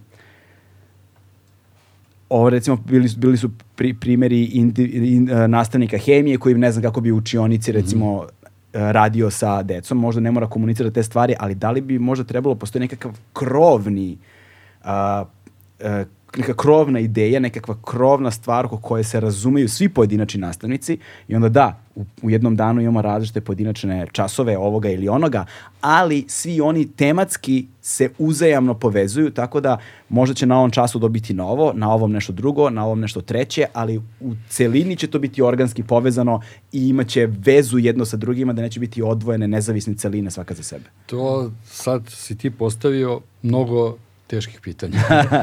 ovaj, ali, ali na svu sreću na sva ta pitanja postoje odgovori. Da. I to je, to naravno zna i Aleksandar i Vesna. Sa tradicijom dugom skoro tri decenije, Legend Worldwide je prepoznatljiv domaći brend sa akcentom na jeans, pre svega, koji odlikuju bezvremenski, klasični modeli. Prva stvar koja je jako dobra, tvoj zaključak da bi možda trebalo zaustaviti škole na neko vreme dok se ne dogovorimo na što bi škole zaista trebalo da liče, ovaj, je logičan zaključak. Samo što tako društvo ne radi. Nema nultog časa u društvu i to je dobra stvar, a ne loša. Dakle, škole jesu takve kakve jesu, onako kako smo ih mi manje više verno opisali, ali zbog toga ne možemo da ih zatvorimo i da napravimo jednu pauzu, zato što naprosto društvo tako ne funkcioniše. I to Deca je dobra rastu. stvar. To je dobra stvar. To nije loše, to je dobro. Dobro je da, ne, da nam niko ne daje mogućnost da zatvorimo škole. To je dobra stvar. Škole treba da postoje čak i ovakve kakve jesu, jer dok god postoje, postoji nada da možemo da uradimo nešto njima. Kad bismo ih jednom zatvorili, pitanje je gde bismo dalje, dalje, dalje stigli. Dakle, prosto ne moramo da razmišljamo u tom smeru. Uh, da, druga stvar, ti kažeš ko je odgovorni, kako da se taj bala skine za, za odgovornost ili za to što nije pređeno celo gradivo. Pa nije pitanje u tome ko je odgovoran i da li je taj teret tu ili nije tu. Pitanje je ko je odredio da baš to bude gradivo i zašto baš toliko. Mm.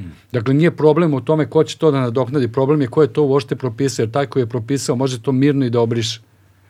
Dakle, gradivo to, to ja ne znam, poslednjih ne znam koliko decenija postoji svest o tome da je gradivo preopširno i da može bez problema da se smanji, a da to ne, da kvalitet obrazovanja da zbog toga ne trpi ni najmanje. Na kraju kraja mi smo imali čitav niz primera. Od 99. kada je prekinuta školska godina, a onda bio dozvoljen upis na fakultete bez prijemnih i bez svega drugog. Nije se srušio svet. Ni zato što nije pređeno gradivo do kraja, ni zato što su zaboga deca primljena na fakultete bez prijemnih ispita, sve je nastavilo da funkcioniše manje više kao da je sve bilo u redu. Za vreme covid isto tako. Ti svi znamo da nije pređeno gradivo, svi znamo da te ocene ne odgovaraju, mislim, da ne pričamo sad o ocenama i da li one bilo čemu treba da odgovaraju, ali svi znamo da je to urađeno tako kako je urađeno, da je napravljen čitav niz propusta, da ocene ne, ne predstavljaju vernu sliku onoga što se zaista radilo, jer se nešto srušilo. Nije. Dakle, zašto se i dalje tako slepo insistira na tim gradivima i da mora sve da se pređe ako nam iskustvo govori da to nije najvažnija stvar. Dakle, nije stvar u tome da li nastavnici mogu da nose taj teret, nego je stvar do onoga kojim nameće taj teret da jednom shvati da to nije nužno, da to nije neophodno, da može i bez toga.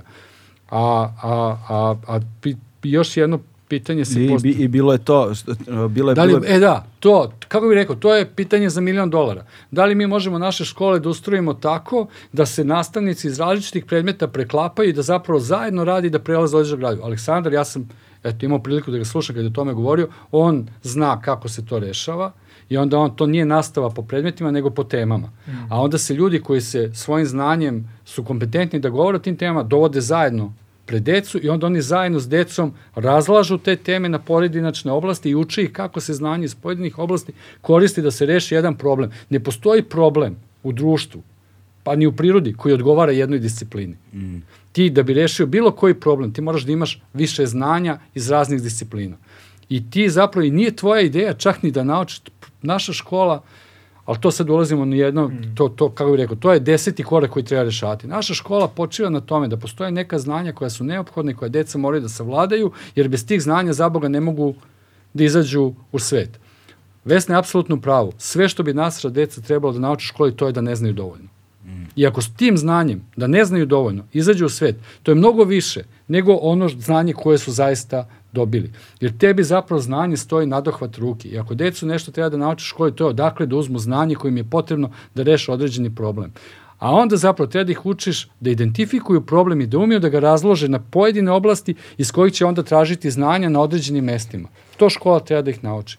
I mislim da Aleksandar je to, ja sam ga bar slušao kad je o tome pričao sa mladim ljudima, on, on zna kako se to radi u nekim školama negde drugde, se upravo tako i radi. Dobro, mi smo to i predlagali recimo za vreme pandemije posle one prve mm -hmm. godine, mi smo rekli treba u suštini virus kao tema i pandemija da budu glavna tema recimo za učenje raznih predmeta. Mm. Jer ti, na primjer, možeš na biologiji, znači deca žive, dešava se neka pandemija sad ti dođeš kao dete u školu i niko ne pominje ni virus, ni pandemiju. Zašto? Zato što to nije po rasporedu časova. Da. A za ne je bilo najprirodnije da u tom trenutku biolog kaže dobro da vidimo šta su to virusi, kakvi da. virusi postoje. Sećate se koliko je bilo rasprave kako se prenosi ovaj virus, pa ako se prenosi na jedan način, onda je to jedna vrsta zaštite, ako se prenosi na drugi način, onda druga vrsta zaštite kakav je to organizam, taj virus, šta su ti virusi. Znači, par excellence smo imali, život nam je nametao jednu temu. Da.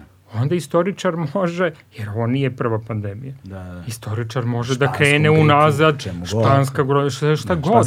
Znači, šta je, kad su se pojavljivali, onda, šta je bila posledica toga? Šta su bile neke društvene, svetske posledice zbog toga što smo imali neku svetsku pandemiju i tako, znači to je istoričar može sjajno da se da se nadoveže na to. Geograf može da uzme lepo mapu sveta i da, na primjer, uzme, evo, odakle je počeo taj virus, kako se širio, imamo na internetu fenomenalne mape dinamike koje simuliraju kako je ovaj virus krenuo sa mm. jednog mesta, pa se onda širio.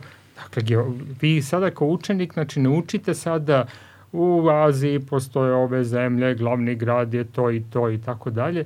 Ti ćeš to naučiti opet ćeš steći sliku sveta i nekih zemalja tako što pratiš kako taj virus e, ide.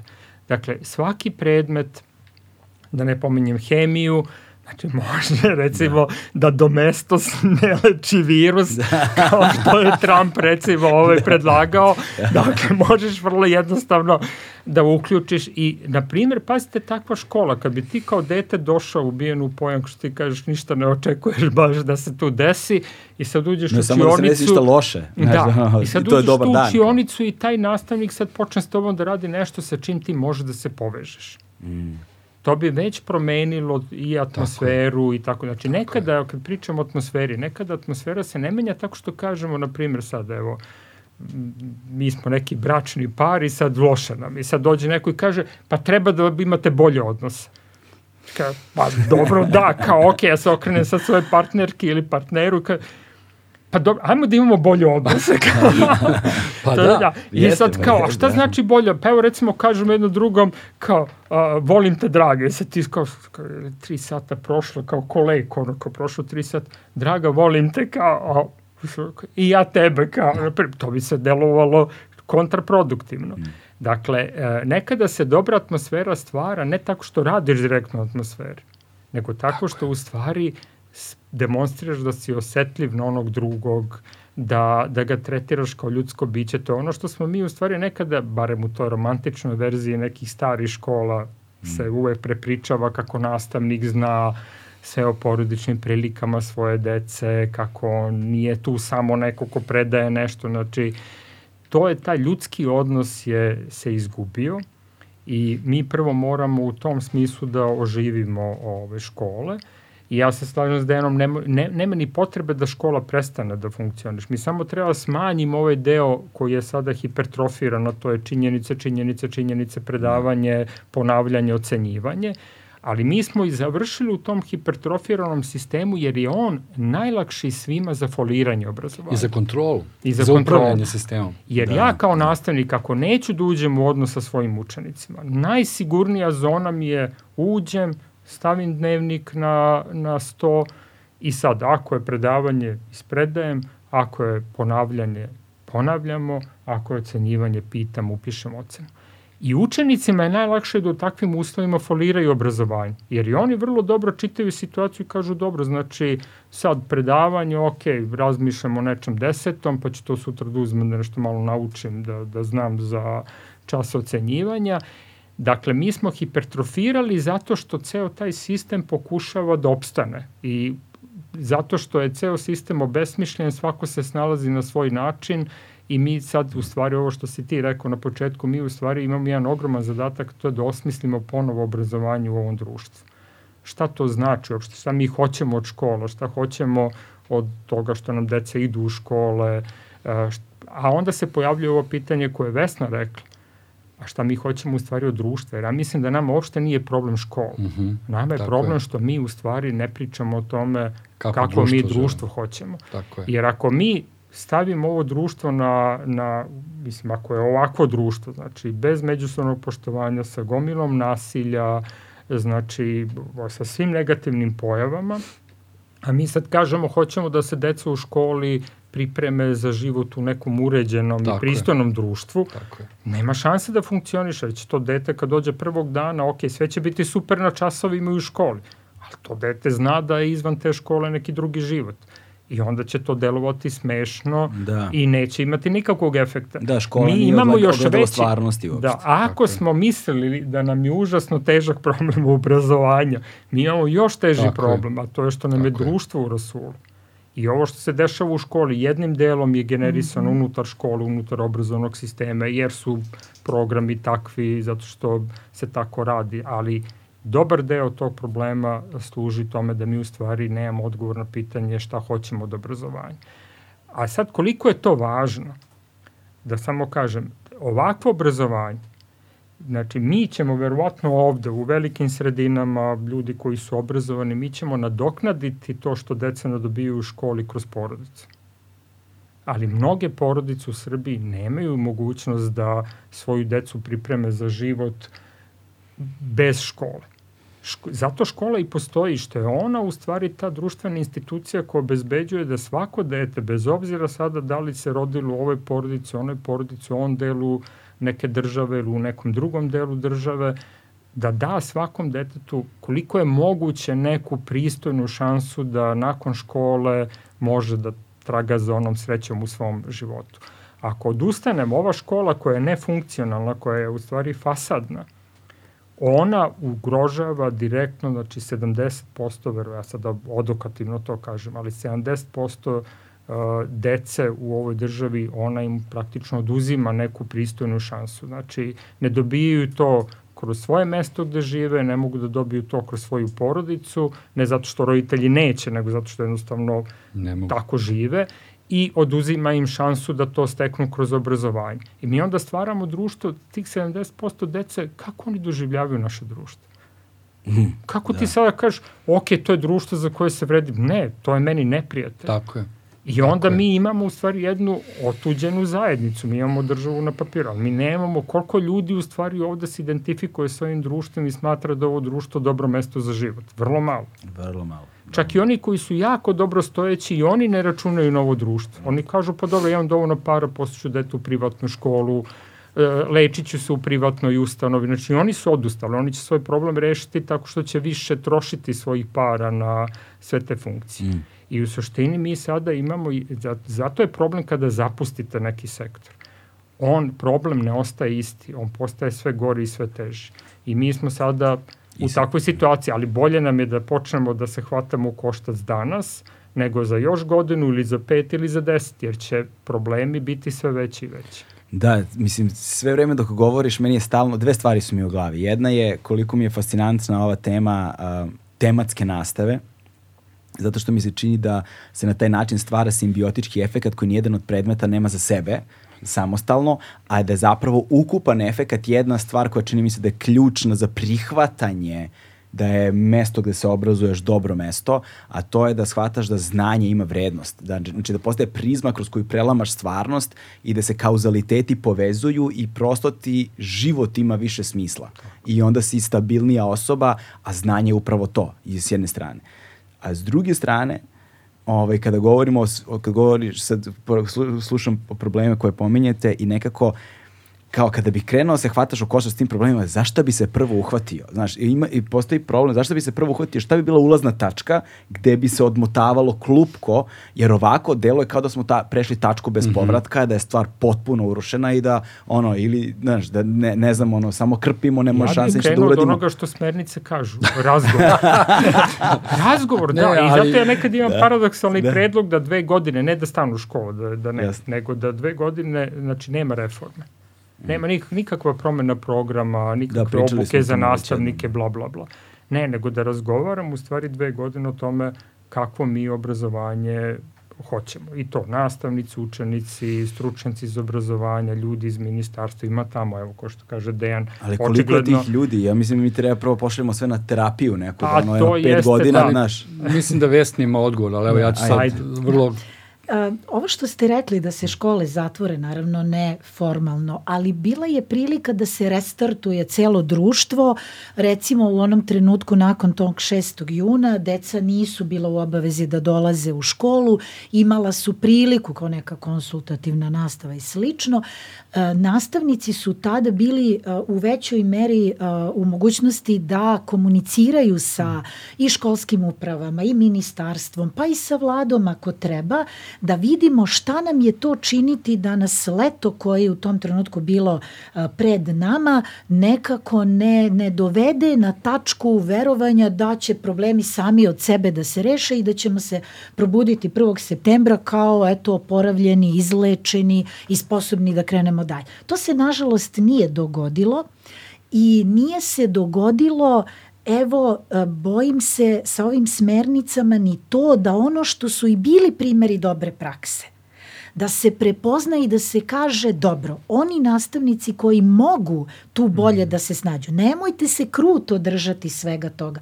Evo, verujte, iz ličnog primjera mogu da vam kažem, meni je bio izazov da spojim predmet koji ja držim srpski jezik i književnost sa matematikom, jer mi se činilo da to u srednjoj školi deluje kao vrlo izazovan nekakav model i uh, došla sam sa svojim koleginicama matematičarkama na ideju da a, se okrenemo pojmu lepote.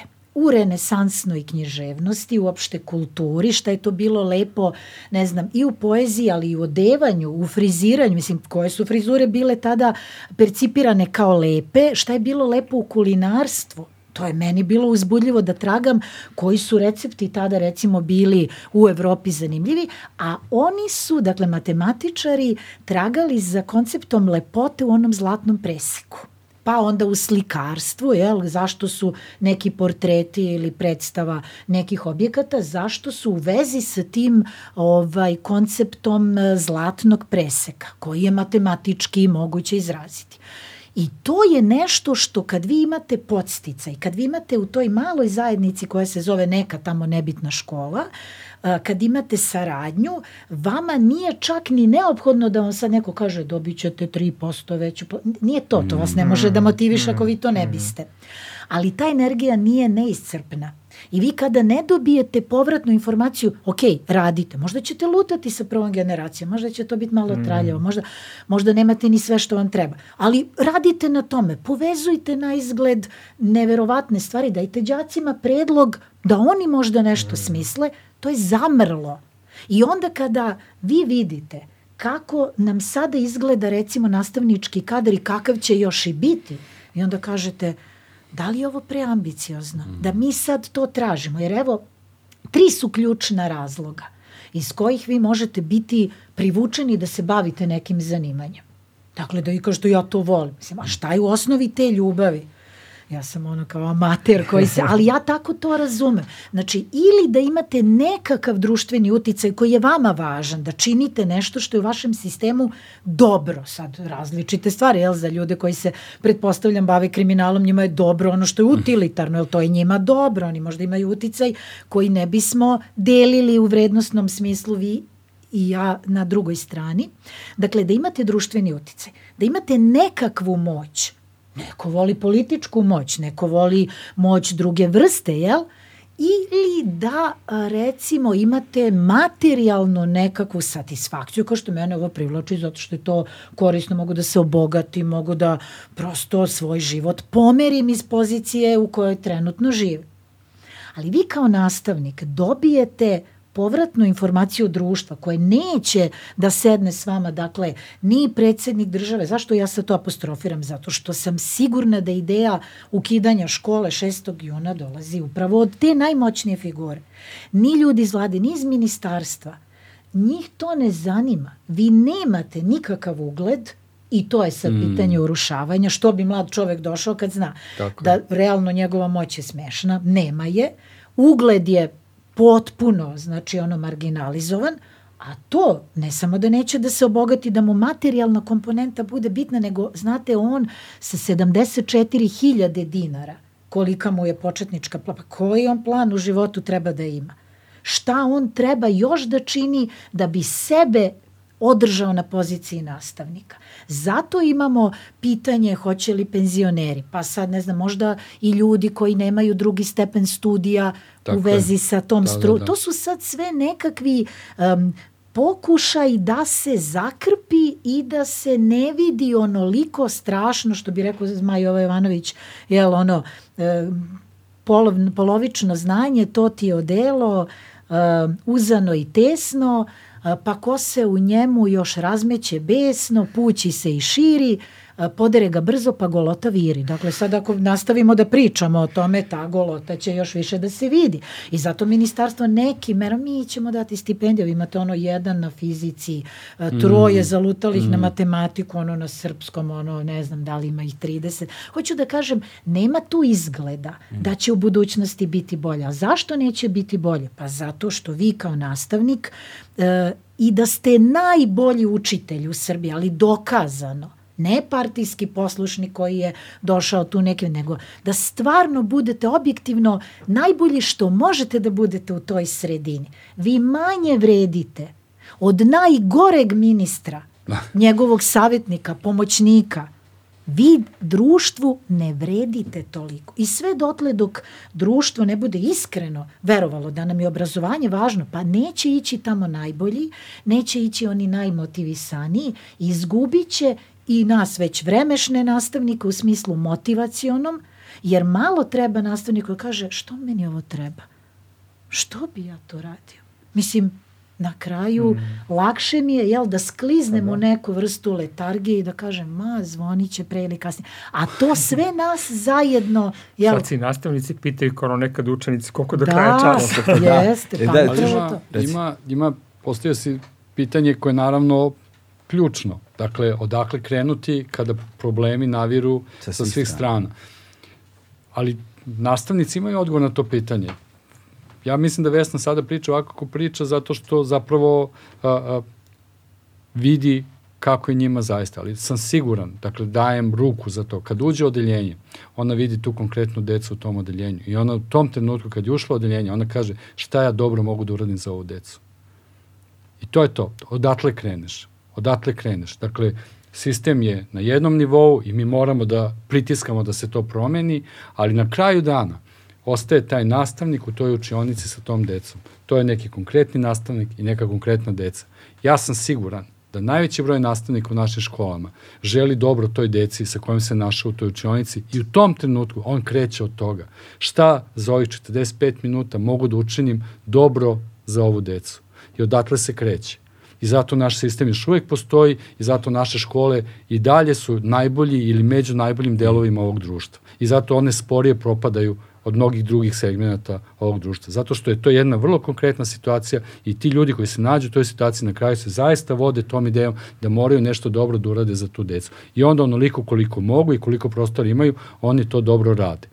Ali dobro, I to je, ali, i to je, to je, a sad, ali rekao druga bi, stvar, izvini, ali rekao bih da se one održavaju isto zbog toga što je to jako veliki glomazan sistem koji je po prirodi inertan. To, ali, ali lako bi ti mogao to da razbucaš sve, da povučeš novac i da se to raspadne i sve. Prosto ima Ajde, tu... Recimo da to, ovo što si ti rekao, mislim da treba krenuti od toga što je i najteže, to je obnoviti neki ljudski odnos u učionici. Mm. Uh, I evo recimo jedan predlog može biti da mi ostaje, ja to zovem prazni časovi, znači časovi koji nemaju svoju programsku jedinicu. Znači to je čas gde treba nastavnik i učenici da pričaju o čemu god ih zanima. Jer kad pričate vi sa učenicima i kad vam oni pričaju, kad im zasijaju oči kad pričaju o nekom Tako je. nastavniku, šta je ta priča? Recimo, jedna priča je bila da je učenik otišao u bioskop i video svog nastavnika u bioskopu. I on je bio, kaže, znači, taj čovek došao da gleda isti film kao ja. On je odmah video tog nastavnika kao ljudsko biće, koji ima neka interesovanja. Nije onaj koji dođe samo održi čas i ode. Do tada da ga je tako video. Od jedan put videvši tog nastavnika izvan škole u bioskopu, on je shvatio da je to neko ljudsko biće koje ima neka svoje interesovanja i ta interesovanja korespondiraju sa interesovanjima tog učenika. Dakle, ti prazni časovi deluju zastrašujuće. Rekli smo, nije lako sad uđete u Nije. učionicu, nemate. Lako je da imaš ti jedinicu i ispričaš.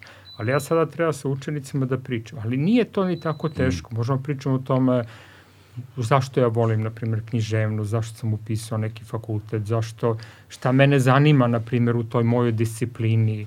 Mogu da pitam učenike isto, jeli, šta njih zanima, šta im interes. Možemo pričamo o nekim događajima koji su aktualni, ali bi šta god da radimo, u stvari mi počeli da vidimo jedni druge kao ljude.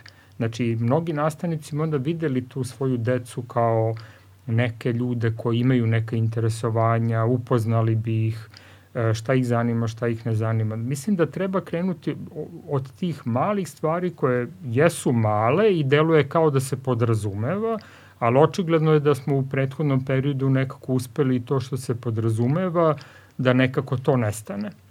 I sad bi mi, eto, to su neke, znači naši problemi su na sreću, ali na žalost užasno bazični. I nama ima još dosta koraka, moramo da napravimo da dođemo do onog nivoa kada će nama trebati veliko tehničko znanje iz obrazovnih nauka, kao što smo pričali, tematska nastava. To, to je, Da. Znači ima tu znanja koje može, ali da mi dođemo do tog, toj situacije da nam trebaju ta znanja, mi u suštini treba da obnovimo e, školu kao neko dobro mesto gde neki ljudi se sreću, žive zajedno, imaju neki pozitivan odnos i onda na tome graditi ovaj pedagoški deo. Tako je. Jer je da. velika stvar kad ti znaš da je ta osoba neka koju ti doživljavaš kao drugu osobu, imaš prema njoj neki pozitivan odnos, kad ti ona dođe i priča ti sada o književnosti, o matematici, o fizici, to je potpuno drugačije nego ako dođe neko prema kome ti imaš Da. te, totalnu distancu i kažeš ajde da odradimo, ti odradi svoje, ja ću svoje, pa dok Tako je. stignemo. Dakle, moraš da obnoviš poverenje, to je, to je, to je jedna stvar. Druga stvar, mislim, mene uvek pogodi kad neko kaže da ideš u školu i da nije bio srećan i da ga je to mučilo što ide u školu.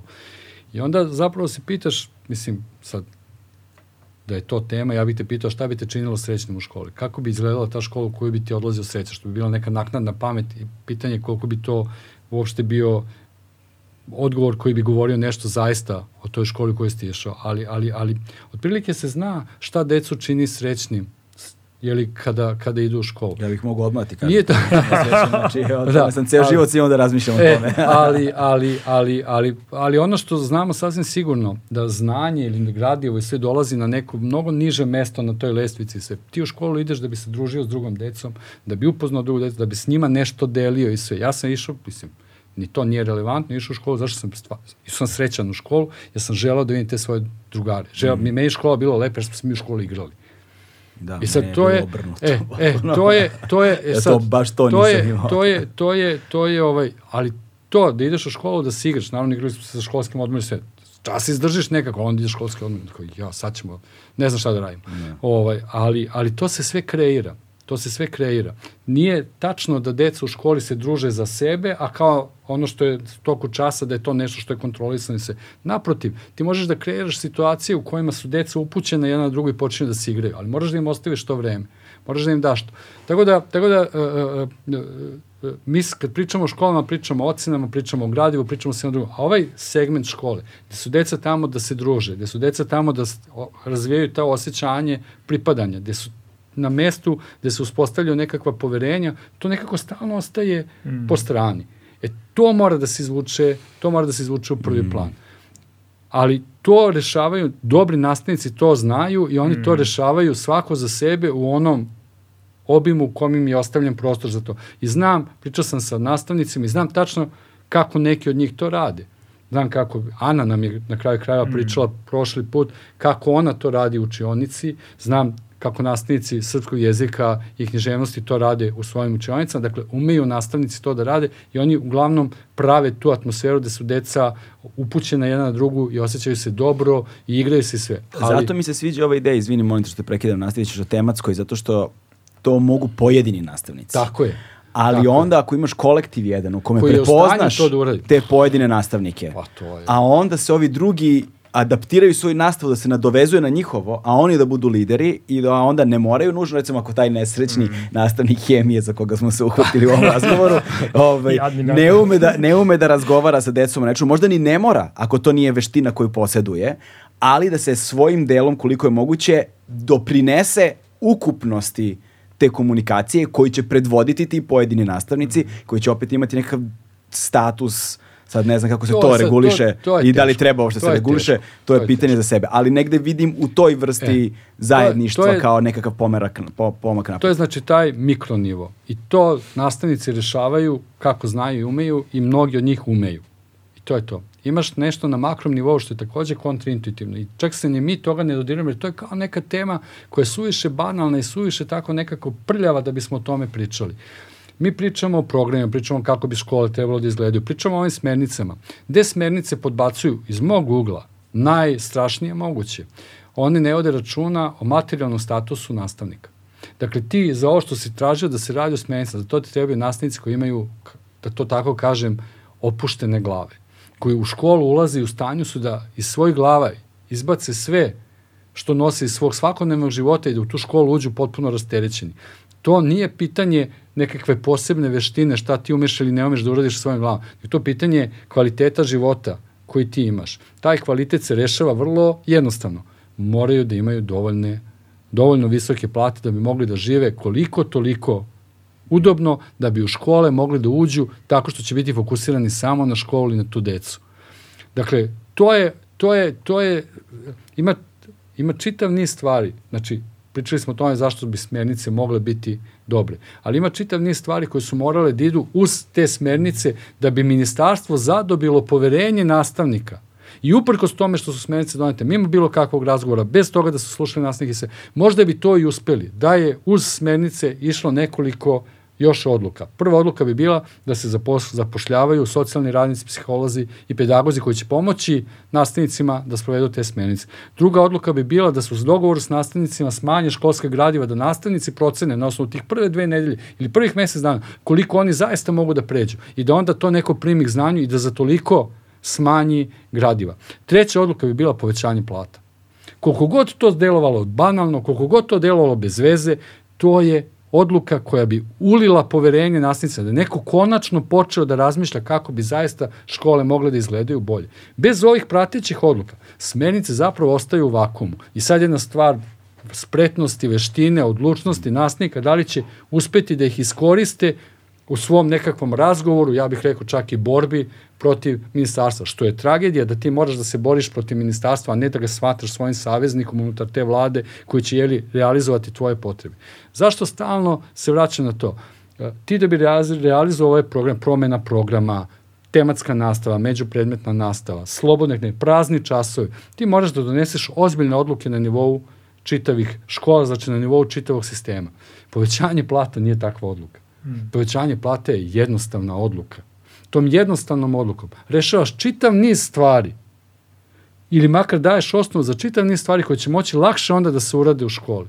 Da. I meni je potpuno nejasno zašto se, mislim, kao je rekao, nije mi nejasno, pošto znam s kim imamo posla, ali ti gradiš nacionalne stadione. Potpuno fantastično. Lupaš novac u apsolutne gluposti a, a nisi u stanju da podigneš plate ljudima koji rade u školama, makar da ne moraju da misle šta će oni da jedu šta će biti s njihovom decom. Makar toliko. Šta bi se tom merom, koja je zaista jednostavna, to je jedna administrativna mera, Ona nije, kako bih rekao, ne zahteva nikakve obuke, ne zahteva nikakav rad na program, ništa od svega toga. Tu odeš i potpišeš povećanje plata za toliko i toliko. Pa sedneš sa sindikatima pa se dogovoriš koje bi, ja ne verujem da bi sindikati bili bezobrazni i da bi oni sad tražili, ne znam, preko mere. Ja mislim da bi oni rekli, znate šta, mi smo seli izračunali, nama je potrebno toliko povećanje da bismo mi bili... Ajde, izvi, ajde da budemo kon konkretni. Tu su, tu su dva pitanja odmah konkretno, ako najplastičnija, ono, na, znači, da. prvo je da li postoji taj novac? Ma naravno da postoji. Ne znam, ne, ne, znam, ne znam, ne znam. Ne, kako, da, da. apsolutno postoji. Ne, stvarno, stvarno, ja pitam, ne znam. Apsolutno postoji. Mi smo tražili ne nešto što liči na onaj helikopter money. Mm -hmm. Mi smo tražili pravednu preraspodelu u postojećem budžetu. Okay. Tako je. Pa dakle, da. Ajde malo više je... o tome, pošto ja o tome stvarno ništa ne znam, a verujem, verujem ni ve, veliki da, deo publike pa ne zna ništa. Dakle, koliki je znači, budžet, evo, koliki bi trebalo da bude i kolika bi konkretno plata trebalo evo, vrlo da bude? jednostavno. Znači, mi izdvajamo kao društvo za obrazovanje u budžetu manje od 4%. Mm -hmm sad to neka bude 3,9, 3,5, 3,6, 3,7.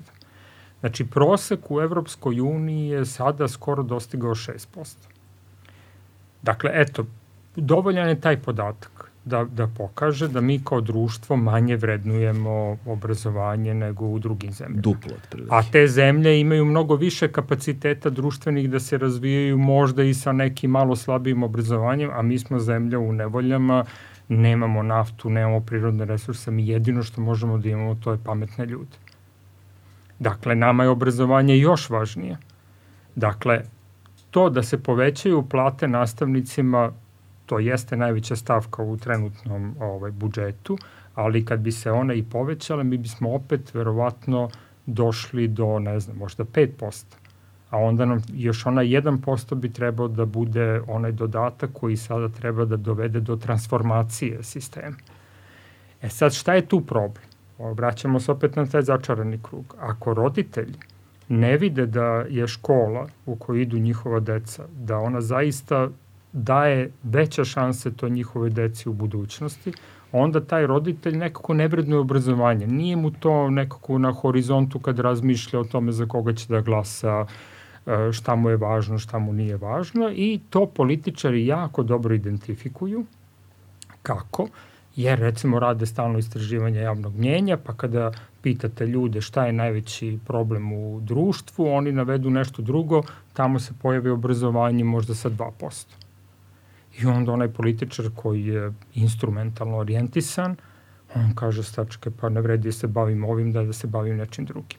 I onda on reaguje prema korisnicima. Znači, korisnici su rekli nama to nije važno, prema tome, znači, što bi ja povećavao plate, bolje mi je da smanjim izdatke za obrazovanje, a povećat ću izdatke za nešto drugo. Drugi element je korupcija. Znači, sada je procenjeno da tokom jedne godine, znači jedna međunarodna organizacija napravila procenu da tokom jedne godine se izgubi milijarda u društvu na korupciju. Milijarda? Milijarda evra. Evra. Znači da se izgubi na korupciji, znači to na korupciji koja je povezana s državom. Budžet obrazovanja je nešto oko 2 milijarde, možda malo više. Znači, pogledajte, samo ako se ako uzmemo jedan deo, onaj koji odlaze na korupciju i prebacimo na obrazovanje, dakle, možda čak ne moramo ni da smanjujemo na ovim drugim sektorima. Da. Dakle, nije to nerešivo. Možda ne moramo i da povećamo budžet uopšte. da, ja mislim da nikada, da, da vrlo redko je problem samo u parama. Da Tako, su pare obično neka izmaglica koju mi hvatamo pa onda počnemo da diskutujemo o nečemu. Nije problem u, u toliko u parama, nego je problem u tome Znači, da li mi kao društvo zaista mislimo da nam je to obrazovanje e, važno i ako nam je važno, onda da kažemo hoćemo tu da uložimo. Pogledajte, nauka, kultura, obrazovanje, sve je podcenjeno. Mi u svim tim sektorima odvajamo mnogo manje nego druge zemlje. Što znači da smo mi svi zajedno, možda to i ne znajući, rekli da mi hoćemo život u kome to nisu bitne stvari, u kojima nije bitno obrazovanje, nije bitno kultura, nije bitno umetnost, znači nama je bitno nešto, nešto drugo. I mi praktično jesmo deo problema. Znači, mi svi sad ovde pričamo kao da problem postoji izvan nas, ali ja mislim da smo i mi kao građani, kao članovi ovog društva takođe deo problema, možda mi nismo glavni generatori tog problema, ali doprinosimo time što na neki način prihvatamo ovo postojeće stanje i što na neki način i mi prihvatimo da to, eto što je moj dete otišlo u školu i vratilo se reklo da mu je škola smor, ja nekako to nisam ni reagovao. Ali pogledajte kako izgleda iz perspektive tog pa deteta. Ti. Pa. Znači ja ga ujutru ispratim i znam da on odlazi na mesto gde neće provesti dobro vreme i kažem mu lepo se provedi u školi. A dete dobro, moću, kao, i od. I kad se vrati, znači, kaže mi da je smor i ja preko toga pređem. Mm. I onda i to dete kaže, pa onda ova škola nije bitna. Ako nije bitna škola, onda nije bitan mm. ni ovaj moj nastavnik koji je tamo u toj školi.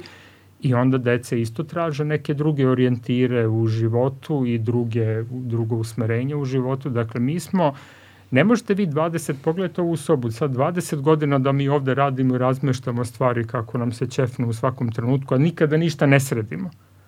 Za 20 godina bi ovo bio jedan haos. I to je teško rešiti. Ali ako se ne uhvatiš posle 20 godina, bit će ti još teže kasnije. I posle znači, 25 neće biti bolje. Zapustili smo, 20 godina smo zapustili, ok, sad da ne, ne, što se kaže, da ne pričamo o prosutom mleku, ali ajde sad, barem kad nam se ovo desilo, daj da podvučemo crtu i da počnemo polako da radimo. Znači, ne može biti za godinu dana, ne može biti za nedelju dana rešenje. Ne može za 20 godina da zanemaruješ, a da rešiš za nedelju da, dana. Da, ali tu dolazimo do ove... Ali, iz, iz, sam, ima, ima, reci, mislim da je važno da nam Vesna kaže tu priču o platama, kako idu uh -huh. ti mhm. razgovori, sve. To je posao sindikata između ostalog.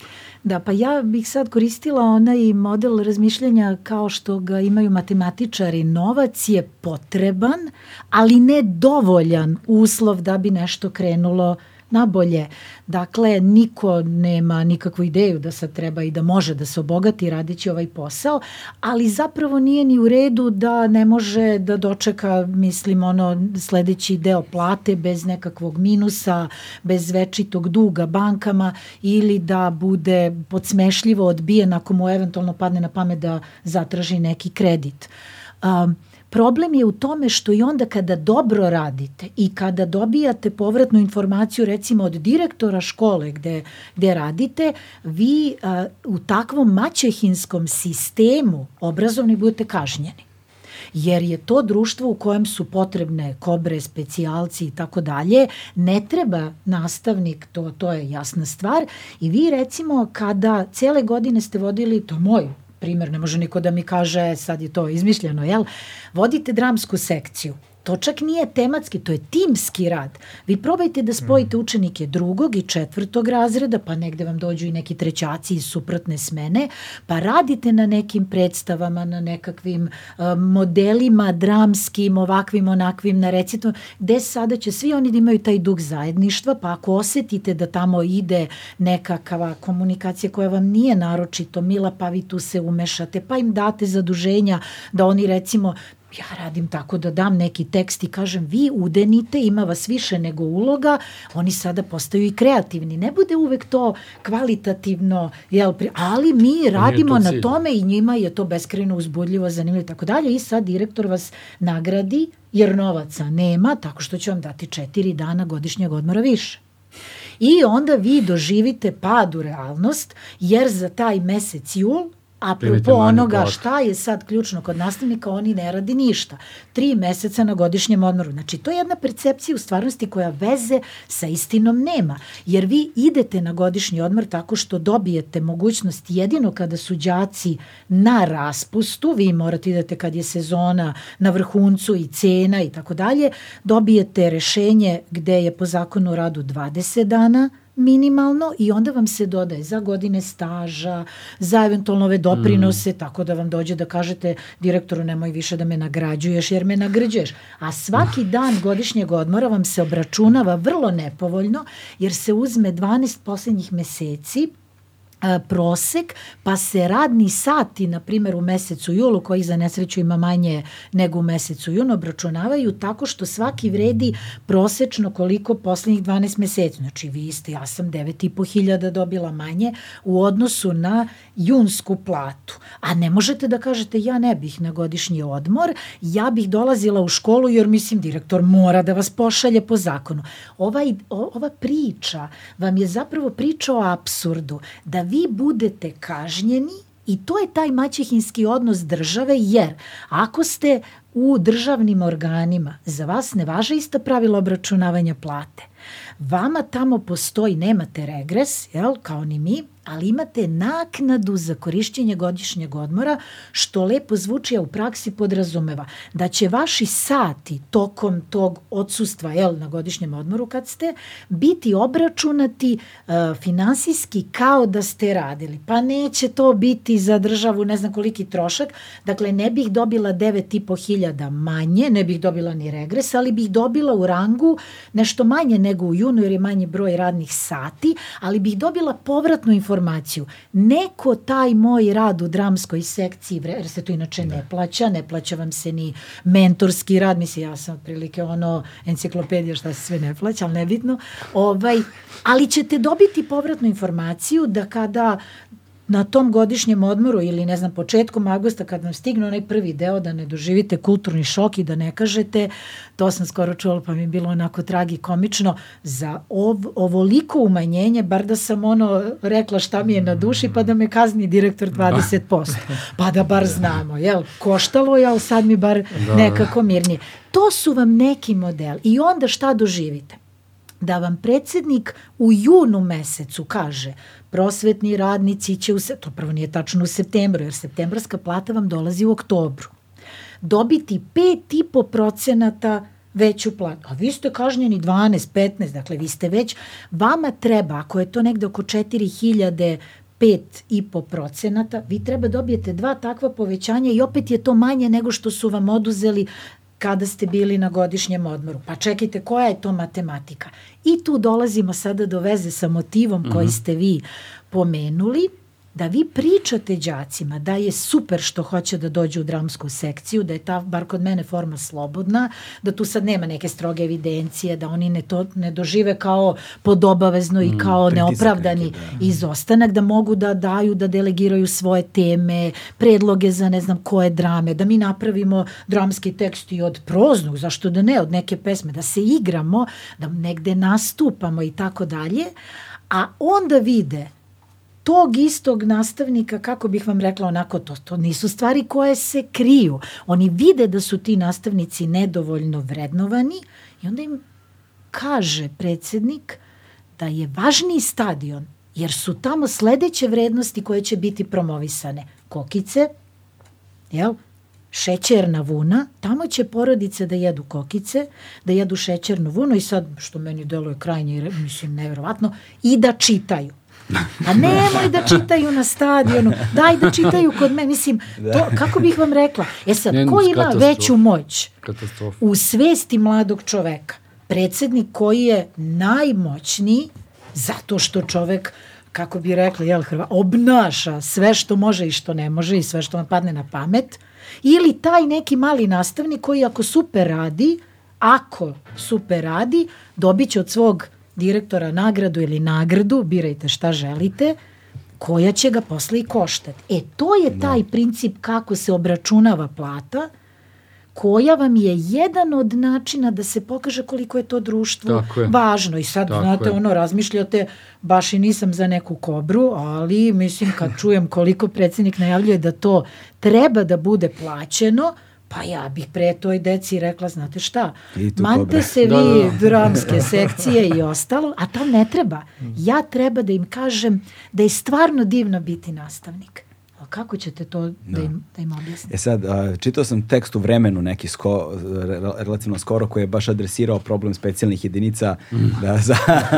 Kad smo već kod obrazovanja. Kad smo već kod obrazovanja, ali baš posledično obrazovanju jer je, jer je kadar, jer su nešto su stopirali i nisu primili nikoga, valjda, zato što je nivo na kojem dolaze ovi koji se prijavljuju zapravo daleko ispod onoga Osnovna škola. Os, osnovna Ali kad su škola, oni što? raspisali taj konkurs, ja mislim da je u prvom, prvoj verziji konkursa bilo da treba da bude završena samo osnovna Da, škola. da. Tako je, da. A onda su da. promenili uslove konkursa, pa u sledećem konkursu stajalo da mora da bude završena srednja škola. Da. Tako da, mislim, i oni ti pokazuju Jasno ti ko je stavljaju- je- poželjan i, i ko treba. Jer i... oni na tom testiranju direktno vide s kime imaju posla i onda su u fazonu možda mi malo, možda je malo srozan s ali, ali priznaćeš, priznaćeš da je to neočekivana reakcija s njihove strane. Da. Da se oni začude kako je nizak nivo nečije sposobnosti, nečijeg znanja, nečije umeća da razmišlja, ne znam ja šta. Kako bih rekao, ja sam mislio da za ovu za ovaj režim ne postoji taj donji nivo. Pa nije, pa, ali ja mislim Vojska da je to... ipak nešto drugačije, su- kad govorimo o da, ipak specijalnim su jedinicama. kobre važne i Elitne obavljaju važnu funkciju Elit, da. za političare, zato oni brinu o tome ko će Da, biti tu. ču, kao- čuvaju veoma važne, Da. ali, veoma Da, važne tako osobe. je, da. Ovaj, tako da to u tom to je negde,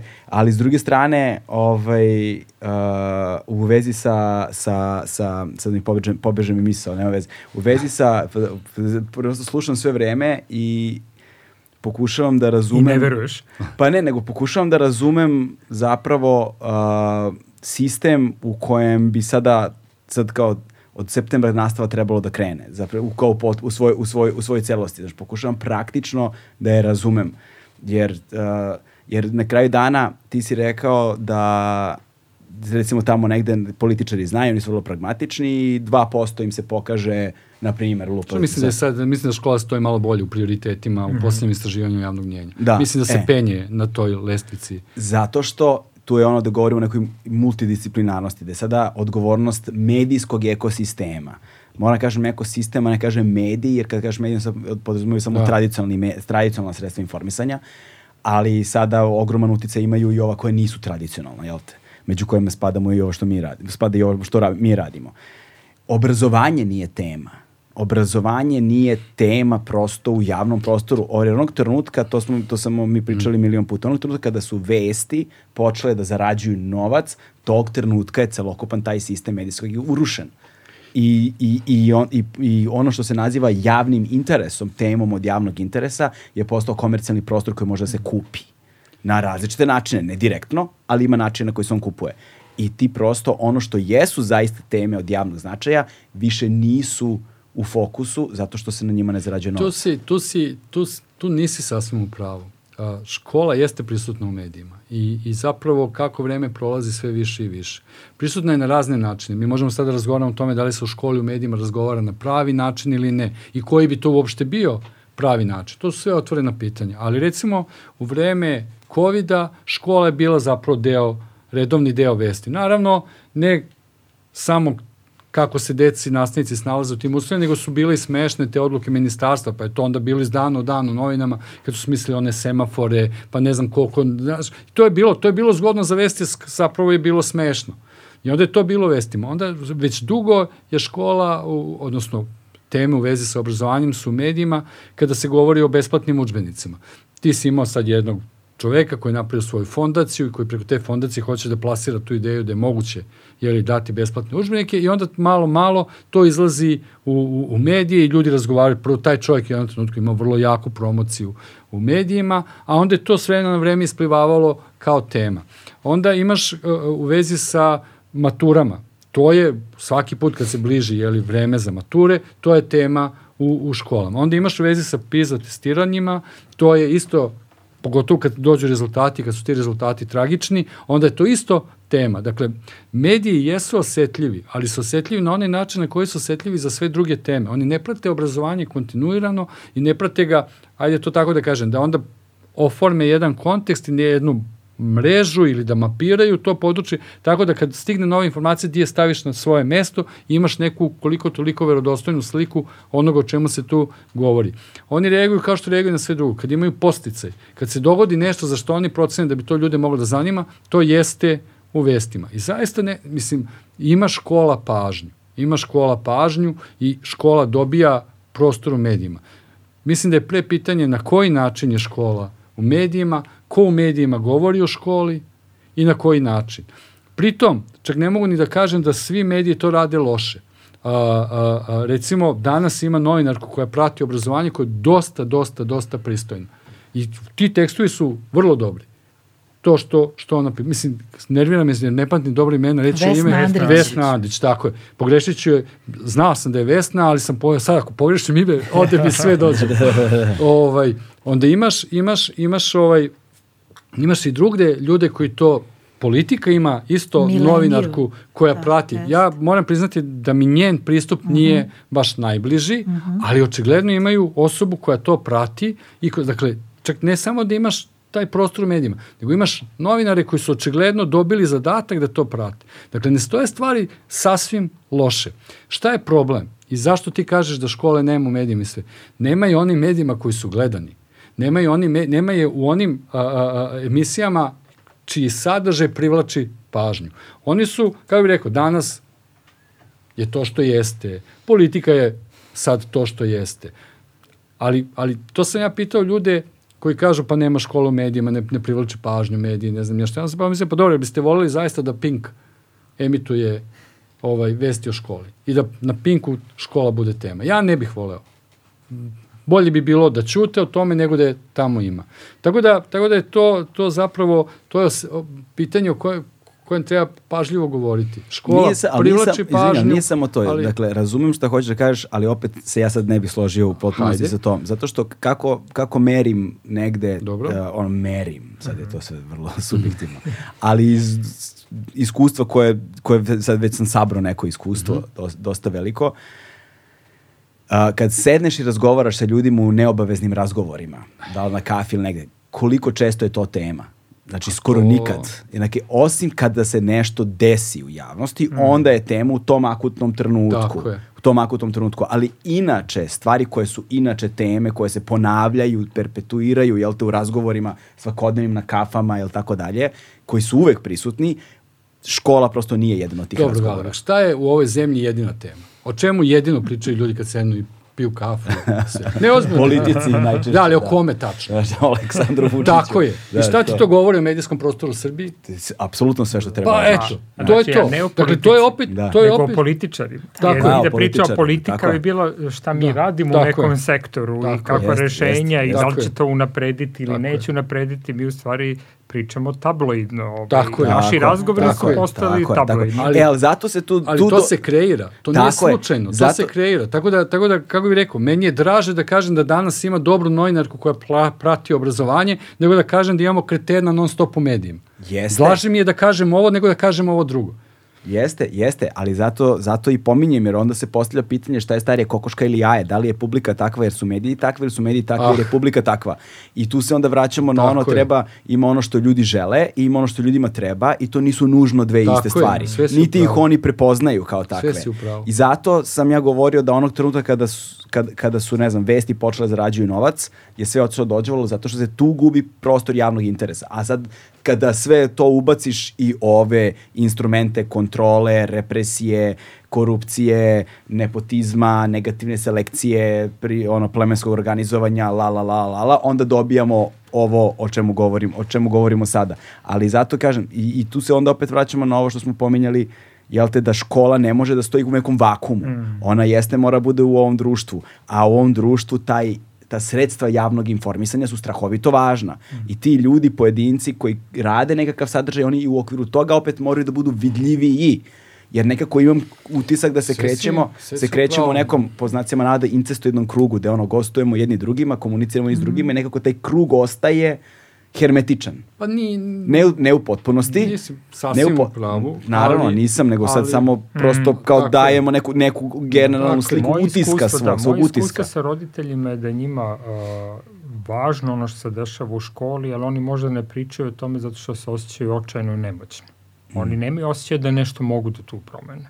I nastavnici se osjećaju očajno i Ali, nemoćno. ali vidiš kako se zapali to u razgovorima Da, kada se jest. skupe roditelji, na primjer ono na ne- nekom i onda počne se tema o deci neka što pre ili kasnije budu u razgovoru, vrlo brzo taj razgovor završi o da li o vrtiću, da li o školi, Tako da li je. o tome šta deca Tako rade, je, kako pa deca rade naravno. i onda kad taj razgovor počne, ti vidiš kako im se ono Tako zasijaju oči, tako- tako koliko je. im je to Jer važno. ipak oni dalje prepoznaju to kao važno, ali ja bih rekao da toga nema zato što se svi osjećamo nemoćno pred tim ogromnim problemom i onda Upravo. taj prazan prostor koriste političari za to skupljanje nekih jeftinih poena, ni oni u stvari ne pokušavaju Upravo. da reše I- problem, nego samo kreiraju iluziju da se problem rešava. I tu vidi moć pri, ja, pritiska javnosti, jer, jer jedino, jedino tako, takvim prisustvom u medijima će vremenom na tim istraživanjima a, javnog mnjenja biti više od 2, 3, 4 ili Sve 5 se upravo. procenata. Ali i sad je, stvarno mislim da se stvari menjaju, već neko vreme je škola dosta visoko u tim istraživanjima javnog mnjenja kao nešto što je važno za ljude kada se odlučuju jeli, za koga bi E. eventualno glasali, koga bi podržali. Zato je onaj predlog, ti si spomenuo jedan, o, ja sam znači sve vreme ovde govorimo o tome, eto rekli smo smernice, iskoriste smernice prema ministarstvu, da se zajedno s ministarstvom nešto uradi i tako. To je jedan put. Alternativa bi bilo da se ove smernice primene tako što bi u školama nastavnici, učenici i roditelji napravi koaliciju protiv ministarstva.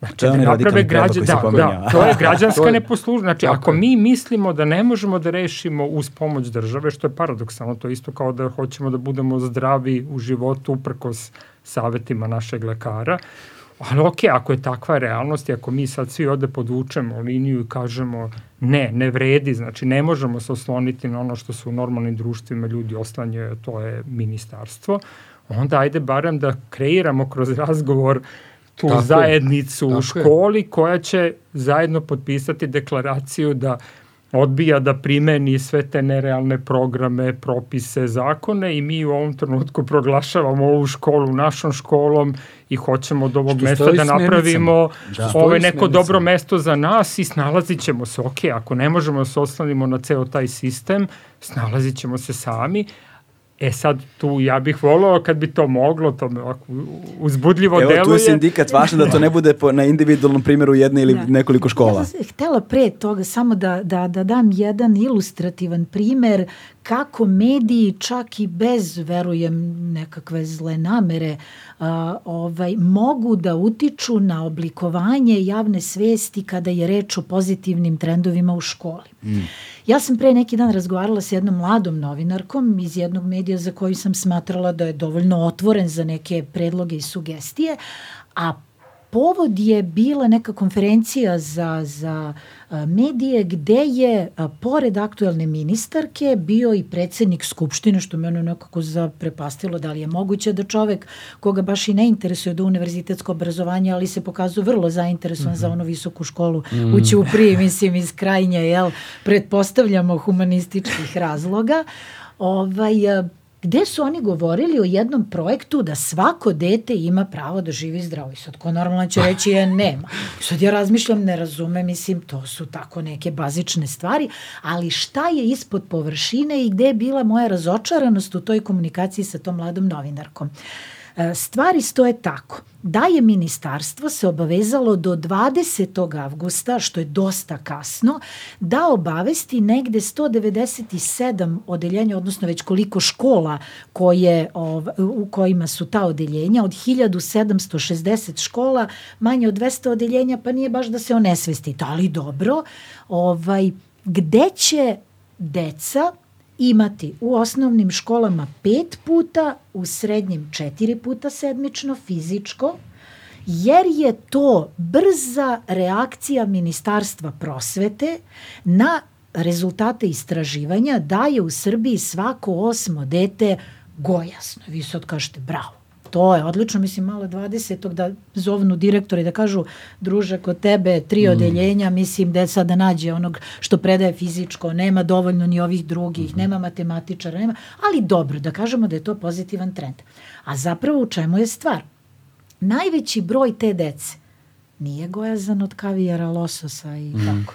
Nije gojazan od fruktoze jer preteruju sa grožđem, sa drugim voćem mm. i tako da nego to su krajnje nezdravi proizvodi, jer on je jeftin, ali tako ja to je. vidim po mojim tako đacima. Je. On pojede čips na velikom odmoru, ona količina soli, aditiva i tako dalje, stvara mu tu iluziju da je on sit, jel? to je nezdravo, dobit će verovatno i pretirani kalorijski unos, hleb Sava pojeftinio 2 dinara, revolucionarna odluka vlade, a on dokazano goji. Dakle, vi imate sada društvo u kojem nema dovoljno novca da se ta deca hrane zdravo, I onda ste Pričate fizičko. o tome da je najveći problem gojaznost, ne sumnjam da je to takođe tačno, ali se prećutko i to je ono što ja kažem novinarki. Ja sam tražila i našla sam neke podatke iz 2022. UNICEF-a za Srbiju. Tada je 13,8 procenata školske dece u, do univerzitetskom obrazovanju. Verujem u 23. da smo stigli do 14%, što vam je svako sedmo dete je, to je to. gladno, siromašno, dakle nema za tri obroka. I kad vi te podatke uporedite, vi onda vidite da i to izveštavanje u medijima, ok je, bila je konferencija, ali ako ne, ne postavim pitanja šta ćemo sa, jer je to prosto veći broj gladne dece, ja ću kao novinarka da istražim, da vidim da li ova žena priča tačno ili me upućuje na nešto što nije istina i da stavim te informacije, kaže nemam sad baš instrukcije, morat ću da se držim ovoga. Pa da. I vi sada tamo negde, u nekom ambijentu grada, sela Varošice, vi stičete utisak da je to ipak društvo koje je možda i besno. Ja, da ste besni, pa mislim jedu više nego što treba, a zapravo je stvar Ali mnogo da imamo, ozbiljnija. da imamo to što se zove, je li ta međupredmetna nastava, mm -hmm. onda bi se znao da je gojaznost problem vrlo blizak problemu gladi i da je to socijalni problem kao što je i glad praktično socijalni problem. Znalo bi se da su gojazna mahom deca koje dolazi slabije stojećih porodica. I onda bi, onda bi bilo ja, i onda se apsolutno zna da se to ne rešava većim brojem časova fizičkog, nego se rešava na neke druge načine, Tako zapravo je. odgovarajućim socijalnim politikama. Ali, kako bih vam rekao, to je to, to mislim, evo, da, se, da ne bude da, da smo ostali na različitim stranama u vezi sa smernicama, to je problem i sa ovim smernicama. Te smernice lažu istinu. One su, kad čitate kao tekst u redu, dobre, kad čitate namere koje stoje za njih, one su laž. Tako i ovo, fizičko, deca gojazna, više fizičkog, rešava problem gojaznosti. Tačno je i da su deca gojazna, tačno je i da je fizičko korisno, ali kad povežete to dvoje, vi Mm, zapravo tako je. lažete. Mm. Da. I to, je, I to je to laganje istinom što ova vlast radi non stop. I vi s njima ne možete, naravno oni lažu i činjenično, nije to za njih, ali ne ruši, to se ne ruši tako što ćeš davati činjenice, nego stalno moraš da formiraš kontekst unutar koga. Da. ko, ko, unutar koga pokazuješ zapravo gde oni lažu, šta lažu, zašto su ove smernice na kraju krajeva laž. I, i onda... I Apropo onda... i tih nastavnika fizičko, mislim u redu je, neka se nađe i novac za njih i tako dalje, ali evo da se vratimo za, na pedagoge, psihologe i da pomenemo da u osnovnim školama uh, imaju tu slobodu da biraju ili socijalnog radnika, andragoga Mhm. i tako da, šta će oni jadni, oni gledaju koja to struka bi mogla najviše problema da im Da. pokrije. Vi sada po važećim pravilnicima možete da imate 23 odeljenja Neće svako imati po 30 đaka, ali recimo, teoretski vi možete imati 600 đaka na jednog ili pedagoga, ili Tako je, socijalnog to, radnika, to, ili to je to, psihologa, tako je. ali da budemo krajnje iskreni. Ako ta osoba stvarno odgovorno radi svoj posao, doću ja. Jer ja ću nekad imati Mm. potrebu da kažem, slušaj, imala sam danas jednu situaciju u odeljenju, da li sam ja odreagovala kako treba? Ja ću pojesti A vreme logično. toj osobi logično. ili ću tražiti kako ovo da upakujem ovaj A, akcioni logično. plan. Mislim, daj mi Logično. vidi, pomozi to. Logično. Ili ću, ako je već socijalni radnik, reći daj da vidimo za ono detence. Meni se to, na primjer, događalo. Nemamo socijalnog Mm. radnika, moja škola je mala, ima 20 odeljenja, imamo jednog psihologa i to, mislim, je, smo srećni. Ovaj, ali ja vidim, recimo, februar mesec, to su neke platnene starke. To je srednja škola. Ne bih ja rekla ako dete putuje iz nekog prigradskog naselja, je to sad stvar trenda. Mm. Vi vidite da je to i neka olovka drvena zaoštrena već ne može ni da se drži. Vi treba budete diskretni da na neki fin način skrenete pažnju kako ćemo mi tom detetu pomoći, nije uvek zgodno ni pitati Tako je. roditelja ili staratelja Naravno, da ne je, da. povredite a dete pogotovo. I da ne Vama vide treba- drugari da... Apsolutno, vama treba podrška, ja ne moram to znati. Tako je. Ili možda sam zaboravila, ali sadašnji pravilnici vam kažu, pa to mislim red ima da bude. Pa ko će tu stići na red od silnih obaveza? I sad još apropo da i te, te tematske neke blokove ili ovo Kompas. uh, životni kompas. Pa koji kompas Tako je. vodi političar? Pa Apsolutno. ja stvarno smatram da Tako je. ona tematska nastava, dani demokratske kulture, evo stvarno ovo je predlog sindikata nezavisnost, dani demokratske ku- kulture, da treba da se skupština, bez obzira što oni čekaju jesenji saziv, da se lepo 1. septembra ili bar od ponedeljka četvrtog, oni nađu u Skupštini da demonstriramo da smo digitalni prvaci, neka bude video BIM ili neka to bude na kanalima različitih medija, ne samo javnog Da demonstriraju. da demonstriraju demokratsku, Pa to, izvinite zašto o tome da vam ne. sve vreme Da. govorim. E, To to je je to, to. To je to, to je to. Dakle, političari, To. pa da vidimo kako Nego to šta? izgleda, a ne da moji Nego đaci na šta? velikom odmoru meni pokazuju one mimove, šta? kako li se već zovu, šta? kako je neko nekome odbrusio, a ja kažem ne možemo tako da se ponašamo. I to je sad jedan paradoks, da se traži od njih da kažu ovaj model ponašanja dovodi do i ne samo lične sreće, napretka i tako dalje, nego i da, do poželjnog društvenog ponašanja, kad oni vide da je društveno poželjno, utilitarno ponašati se bestijalno, jer ste vi postali narodni poslan. Dakle, prvi među nejednakima. Da.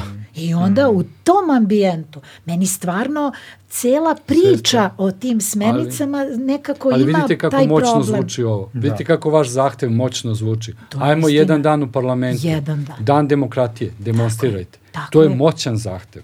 To je I to da. su vam Ali oni su već to sam demonstrirali. Imali smo diskusiju o ovim tragedijama u Skupštini. jel Tako je. Da. I mi smo videli Vidjeli na što to to liči. ličilo. Tako je.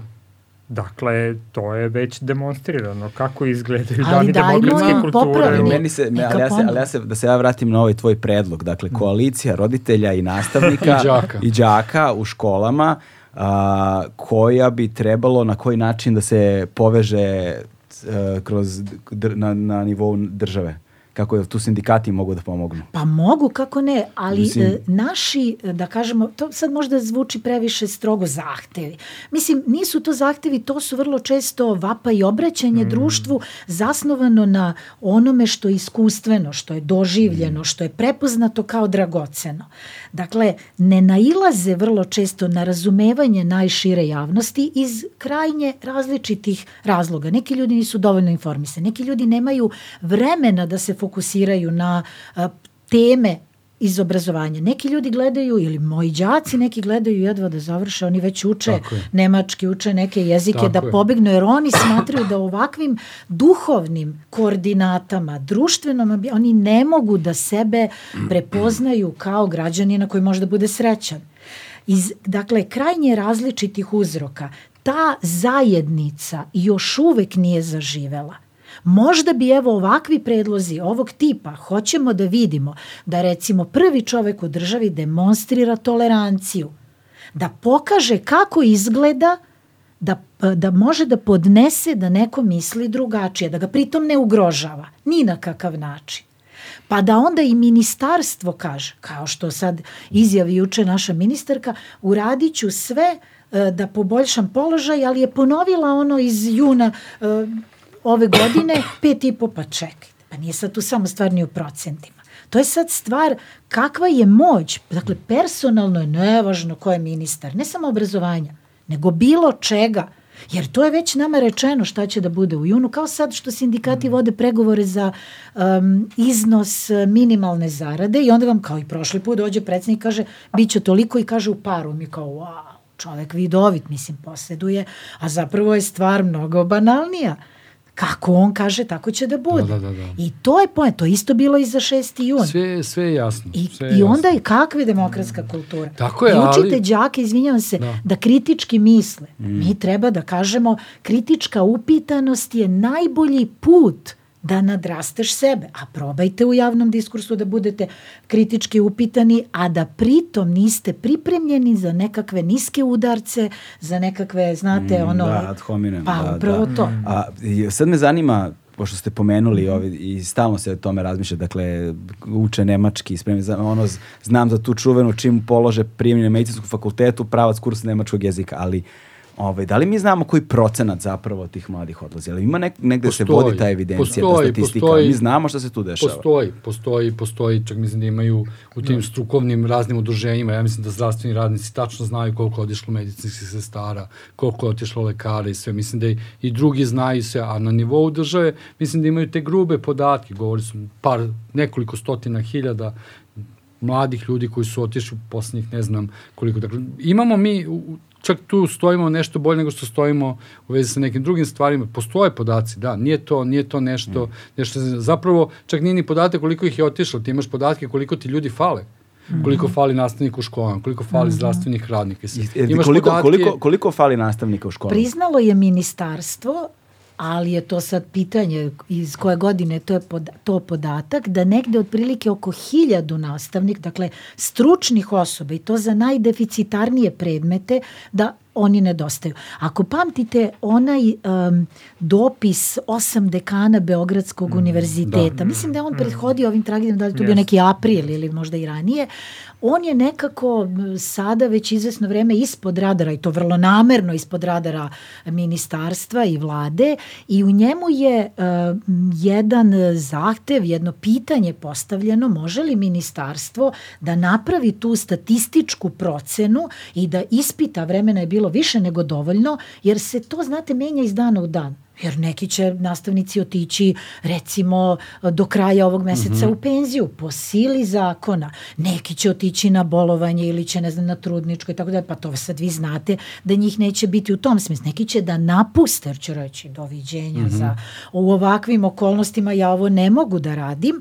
Može se napraviti procena, to sad možda više nije hiljadu, možda je to, pazite, to je, nije to samo hiljadu odeljenja. Ako vi znate da recimo negde norma je u mm. principu dva 20 časova, ako je 2 časa sedmično, to vam je 10 odeljenja. Nisu svi predmeti takvi. Naprimer, kod mene je u stručnoj školi 6 odeljenja, pa sad u grubovi možda kažete to između 150-180 đaka, ali ako gledamo da neki predmeti uh, se drže dva puta sedmično, to vam je a, 10 onda odeljenja, 30, znači to vam je otprilike oko 300 đaka, puta 1000, jel? 300.000?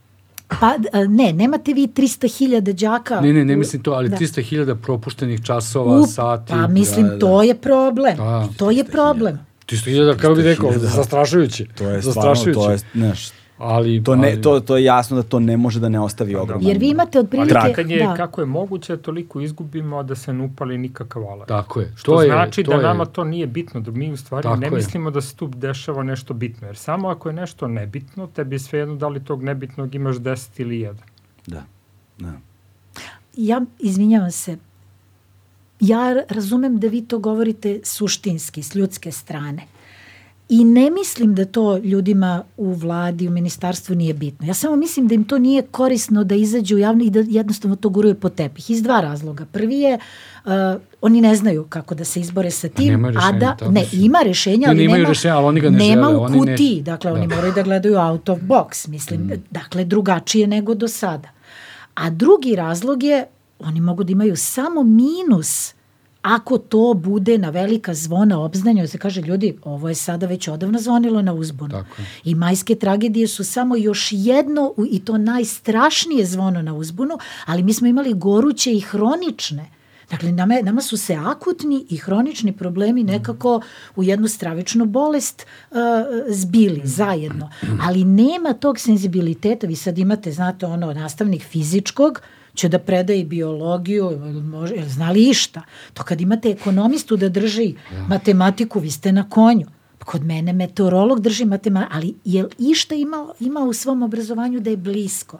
I vi to možete da krpite rupe na kratko vreme. A šta ćete vi sada da, kako ćete da projektujete kad ovi mladi ljudi koji su se redko izjasnili da žele da studiraju nastavničke smerove, oni će za 4-5 godina da dođu. I opet ih je malo kako ćete, mi, mi ne možemo lako da se izlečimo, nama treba možda 10 godina, ali 10 mm. godina dobrih mera, a tako ja ne vidim u ovom trenutku je.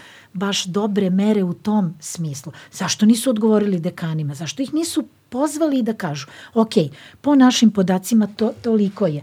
Po regionima je to još i gore, vi ćete u Beogradu mm. i da se snađete, mm. vi ćete naći nekoga da ga platite, to je taj takozvani prekonormi rad koji vam se ukida kad ste na mm. godišnjem odmoru nećete to dobiti kao naknadu što ste se, što bi rekli moji džaci, cimali u tri škole, jel? pa tako je. O, ali u manjim sredinama, kako ćete vi da nađete? To će biti nestručna zamena, to će biti mladi ljudi koji, koji zapravo izlaze iz te škole neobrazovani. Oni imaju ustavom zagarantovano pravo da dobiju dobro obrazovanje, mm. ali ga dobiti neće. I pritom žive u sredinama koje su dosta teže nego što je ovde u Tako mnogim je, aspektima tako i onda je tim više postoje preče stvari od toga da li nauče neku lekciju. Ima tu jedna stvar, ovako kako mi govorimo, i jako je teško o tome govoriti. Ta masovna ubistva s početka maja, one su zapravo, kako bih rekao, nego kao da je neko podigao gledalo. I sad kao mi gledamo to i ta slika koju vidimo je strašna. I sad smo mi vrlo skloni da pokušamo to da tumačimo se naravno da je prva stvar da, da, da pokušaš da shvatiš koji su uzroci i onda ako znaš koji su uzroci da probaš da ih otkloniš da se ništa slično nikada više ne bi dogodilo. To je ljudska reakcija. To je tako. Vrlo je verovatno da mi zapravo ne možemo da kažemo koji su uzroci, vrlo je verovatno da je jako teško govoriti o tome na taj način da je nešto dovelo do toga na određeni način koji mi možemo da predvidimo i da to kasnije kontrolišemo. Tako da, kad, zato sam ja ustuknuo kad sam rekao da smo možda imali dovoljno psihologa, pedagoga, da smo možda radili drugačije, da su ove smernice nešto što se u našim školama podrazumeva, a nešto se daje kao vanredna mera u vanrednim okolnostima, možda bismo, to je pogrešna rečenica. Ja zato se i ustručavam da tako nešto izgovorim, jer zapravo ne možemo znati zaista šta je bio uzrok. A ono što je su ta masovna ubistva pokazala, to je da, da reakcija vlasti na ta ubistva je bila pogrešna. Na svaki mogući način. I to je ono, to je ono što ti ne možeš da, da, da objasniš ovim ljudima u vlasti. Kad mi pričamo o tim masovnim ubistvima i kada kažemo vi ste pogrešili, mi ne mislimo da im kažemo da su oni krivi jer nisu to sprečili, jer mi zapravo i ne znamo da li to uopšte moguće sprečiti na načine koje se to, mislim, ne znamo to ali da su oni pogrešno reagovali i da su zapravo generisali dodatne probleme sa tim već problemom koji je bio tako strašan kakav je bio, to je, to je ono što mi njima sve vreme pokušavamo da kažemo. Vi radite pogrešno. Niste krivi za ovo i niko normalan vam ne kaže da ste krivi za ovo, ali ćete svojim ponašanjem dovesti do čitavog niza novih nesreća. Ne možda tako drastičnih, ali svakako nesreća. To je ono što mi njima pokušavamo sve vreme da objasnimo. Druga stvar koju ti pokazuje to što se dogodilo početkom maja, to je da kada se desi nešto što ozbiljno uzdrma društvo, što ga ozbiljno izmesti iz temelja i gde ti zapravo si potpuno zatečen onim što se dogodilo i treba ti vremena da udahneš i da razmisliš šta i kako dalje. Mi nemamo ni na rukovodećim mestima, a možda i šire od toga, mi nemamo ljude koji su u stanju da misle u okolnostima koje nisu predvidljive, a koje su tako dramatične kakve jesu. To ti je prvi znak da ti škola radi nešto pogrešno. Škola te ne priprema da se krećeš iz dana u dan po onome što je poznato i što je rutina. To ćeš naučiti čak i bez škole. Škola bi morala da te pripremi kako da se nosiš upravo sa stvarima koje su nepredvidljive. To zvuči kao neki oksimoron, kako da radiš u situacijama koje ne možeš da predvidiš. Ali to je suština škole. Desi ti se nešto, identifikovao si problem, nauči šta je potrebno, odnosno prepoznaj koje su ti discipline potrebne da se nosiš ti problemom i obrati se ljudima koji o tome nešto znaju. Ja mislim da je možda samo prvih nekoliko dana zaista tako stvari funkcionisale, jer su se ljudi samo inicijativno, koji su znali da su kompetentni za nešto, čak ni oni nisu rekli mi imamo rešenje, niko to nije rekao, ali su rekli mi nešto znamo, možda ovo naše znanje može da bude neki korist. Ti si prvih dana vidio da se ljudi samo organizovali krenuli da pomažu, to je tvoja su udruženja to radila i sve, a onda je došlo ministarstvo i sve to razbucalo. I pokazalo se zapravo da ne ume uopšte da se nosi s takvim situacijama i da se boji ako ljudi preuzmu inicijativu i ako im stvari izmaknu kontroli. Da. Gubljenje moći. To ti, to ti govori, reći da- sa, Aj, evo, samo ću ovo jednu rečenicu kažem i ne. To ti govori da sa našim školama nešto ozbiljno nije u redu. I zapravo cela ova priča koja se podigla posle i ovi protesti koji još uvek traju, ti zapravo govore da su ljudi prepoznali da je nešto ozbiljan problem. Ne je stvar u tome da si ti to mogao da sprečiš. Uopšte nije stvar u tome. Ali ti sad vidiš da ti nisi u stanju da se nosiš s takvim stvarima. A to ti govori zapravo da bi nešto, mislim, jezivo je da se to moglo da se ponovi. I ljudi kažu, čoveče, pa mi ne možemo da živimo s tim pritiskom. Ne možemo da živimo sa saznanjem, da ne umemo da reagujemo i da eventualno predupredimo da se tako nešto ponovi. E to je, to je problem. I ministarstvo zapravo, čak i s ovim smernicama ovakvim kakve su, i dalje pokazuje da nije naučilo ništa iz onoga što se dogodilo. Samo, samo sam to. Samo sam htio da dodam, dakle, da razumem iz koje perspektive ti kažeš to nije moglo se predvidi da se spreči, jer to, to je jasno kao što smo imali utisak da i ono u Trstaniku nije, niko nije mogao da predvidi da spreči. Međutim, takve stvari su krajni trenutak u jednom procesu koji dugo traje. Da bi se ovo desilo, znači ovakve stvari se ne dešavaju, znači pogotovo ovako dramatične stvari kao u školi ribnika, to se ne dešava iz vedra neba To znači da je bilo puno signala ranije koji su mogli i koji bi u nekom dobro uređenom sistemu bit, bili prepoznati na vreme i bila bi pružena podrška i porodici i tom detetu. Znači oni bi nikada ne bi ni došli u priliku da se ceo taj proces odbije do kraja i do ovog tragičnog događaja. Meni to isto govori nešto i vraća nas na temu tih otuđenih škola. Jer samo u toj otuđenoj atmosferi ljudi mogu da prolaze pored stvari koje im privuku pažnju i da vide da tu nešto nije kako treba, možda ne umeju da objasne šta i zašto i šta treba uraditi, ali umeju da prepoznaju da nešto nije u redu. Ali ti kažeš, pa nije moj problem. I onda nije problem ni ovoga, nije problem ni onoga, nije, i tako nama stoje stvari zapuštene. Ja mislim da to proizvodi jednu ogromnu nesigurnost. Tako je. Jer to znači da mi, ako ništa ne promenimo, u odnosima u školi. Da je samo pitanje vremena kada će opet tako neki proces da krene, mali korak po mali korak po mali korak i svi ćemo zanemerivati te Sve. signale i na kraju će, ok, u mnogim situacijama srećom će se desiti nešto pa će zaustaviti taj proces i neće se desiti nešto još gore, ali znači postoji verovatnoća da pod određenim okolnostima se tako nešto uh, desi. Uh, I, dakle, složio bi se naravno da, da ne možemo naći krivca nekoga ko je, ne znam, nešto uradio, ali ovde imate kao u hronici najavljenog ubistva, u stvari puno nas je saučasnik u tome. Znači, ne možemo reći jedna, jedna osoba je odgovorna. Da, da ali puno nas je participiralo u tome, mi roditelji to što smo uvek mislili da nam eto to obrazovanje možda, pa dobro, to je težak problem, neko će ga valjda rešiti. Nastavnici koji se muče i ne uspevaju da se ujedine i da obezbede da ta škola bude dobro mesto. A, političari koji tako isto prelaze preko problema, gledaju samo da simuliraju da se nešto rešava. Svi smo mi na neki način to, i to ne, neću da kažem da oslobađam nekoga, znači onaj ko ima veću moć, ima i veću odgovornost.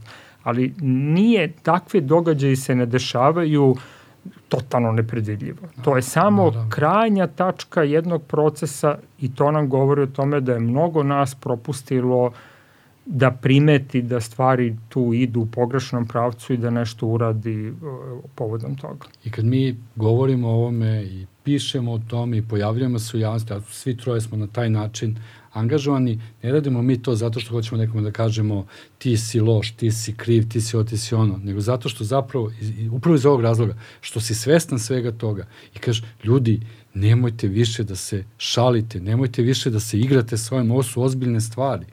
Dajte kao, urazumite se. Mislim, ako uradite nešto dobro, mi ćemo vam reći, odlični ste, super ste, Dobro ste ovo uradili, ali ako radite loše, moramo da vam kažemo da je loše. Ne zato što želimo da ste loši ili zato što želimo da vas kritikujemo, nego zato što je stvar toliko ozbiljna da ne može s tim da se živi. Ne može s tim da se živi. I onda, i onda i, i ti, to ovo što je, i ti s druge strane imaš ljude koji uporno odbijaju da te čuju. Mislim, ne razgovaramo o tome da li će biti ovo ili ono. Mi govorimo o nečemu što je ono, život i smrt. Mm. I on kaže, ma jok, neću razgovarati s tobom. Ma da, ti, tvoji su, ti sad tu meni ne znam šta hoću. Ma neću bre, ništa od tebe. Ništa. Ali, ovo je ozbiljna stvar, neću da te ostavim na miru. Neću da te ostavim na miru, jer je toliko važno, toliko je veliko, da ne mogu da te ostavim na miru.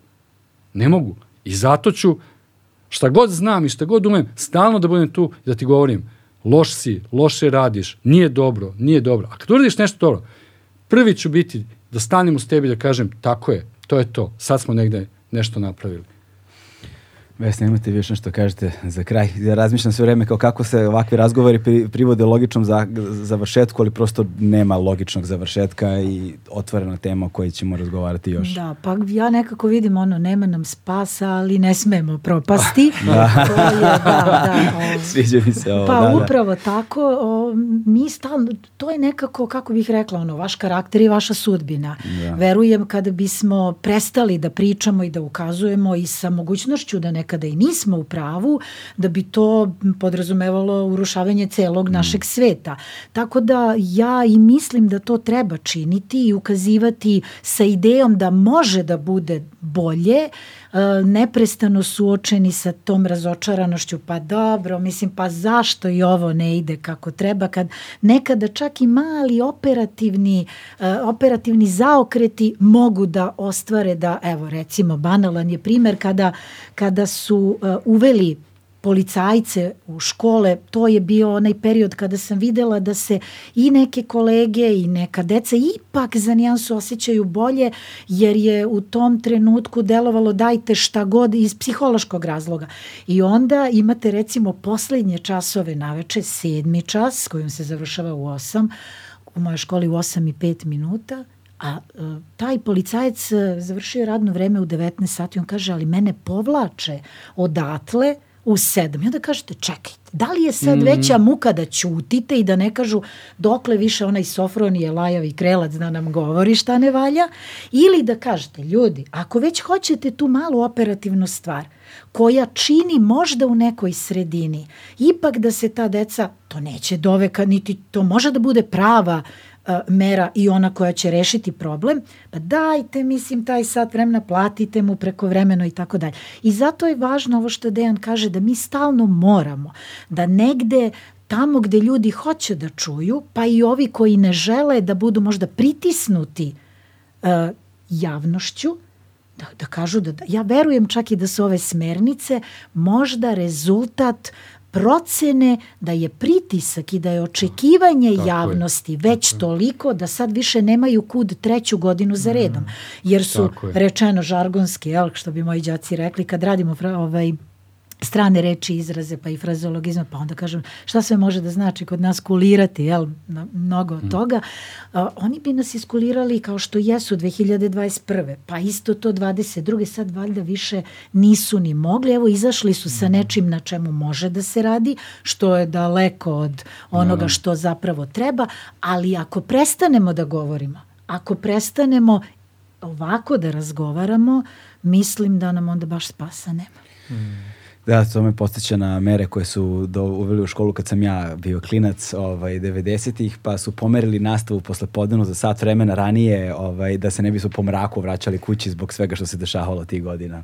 Ali evo, gde smo se pomerili 30 i više godine prošlo tada i na, čini mi se da nismo, nismo pomerili nigde. Hvala vam puno još jednom. Vesna, hvala vam puno. Hvala ovaj, i vama veliko na prilici da Veliko zadovoljstvo. Aleksandre, ovaj, Dejane, zadovoljstvo je uvek sa vama. Dakle, to je to. Stigli smo do kraja. Ćao.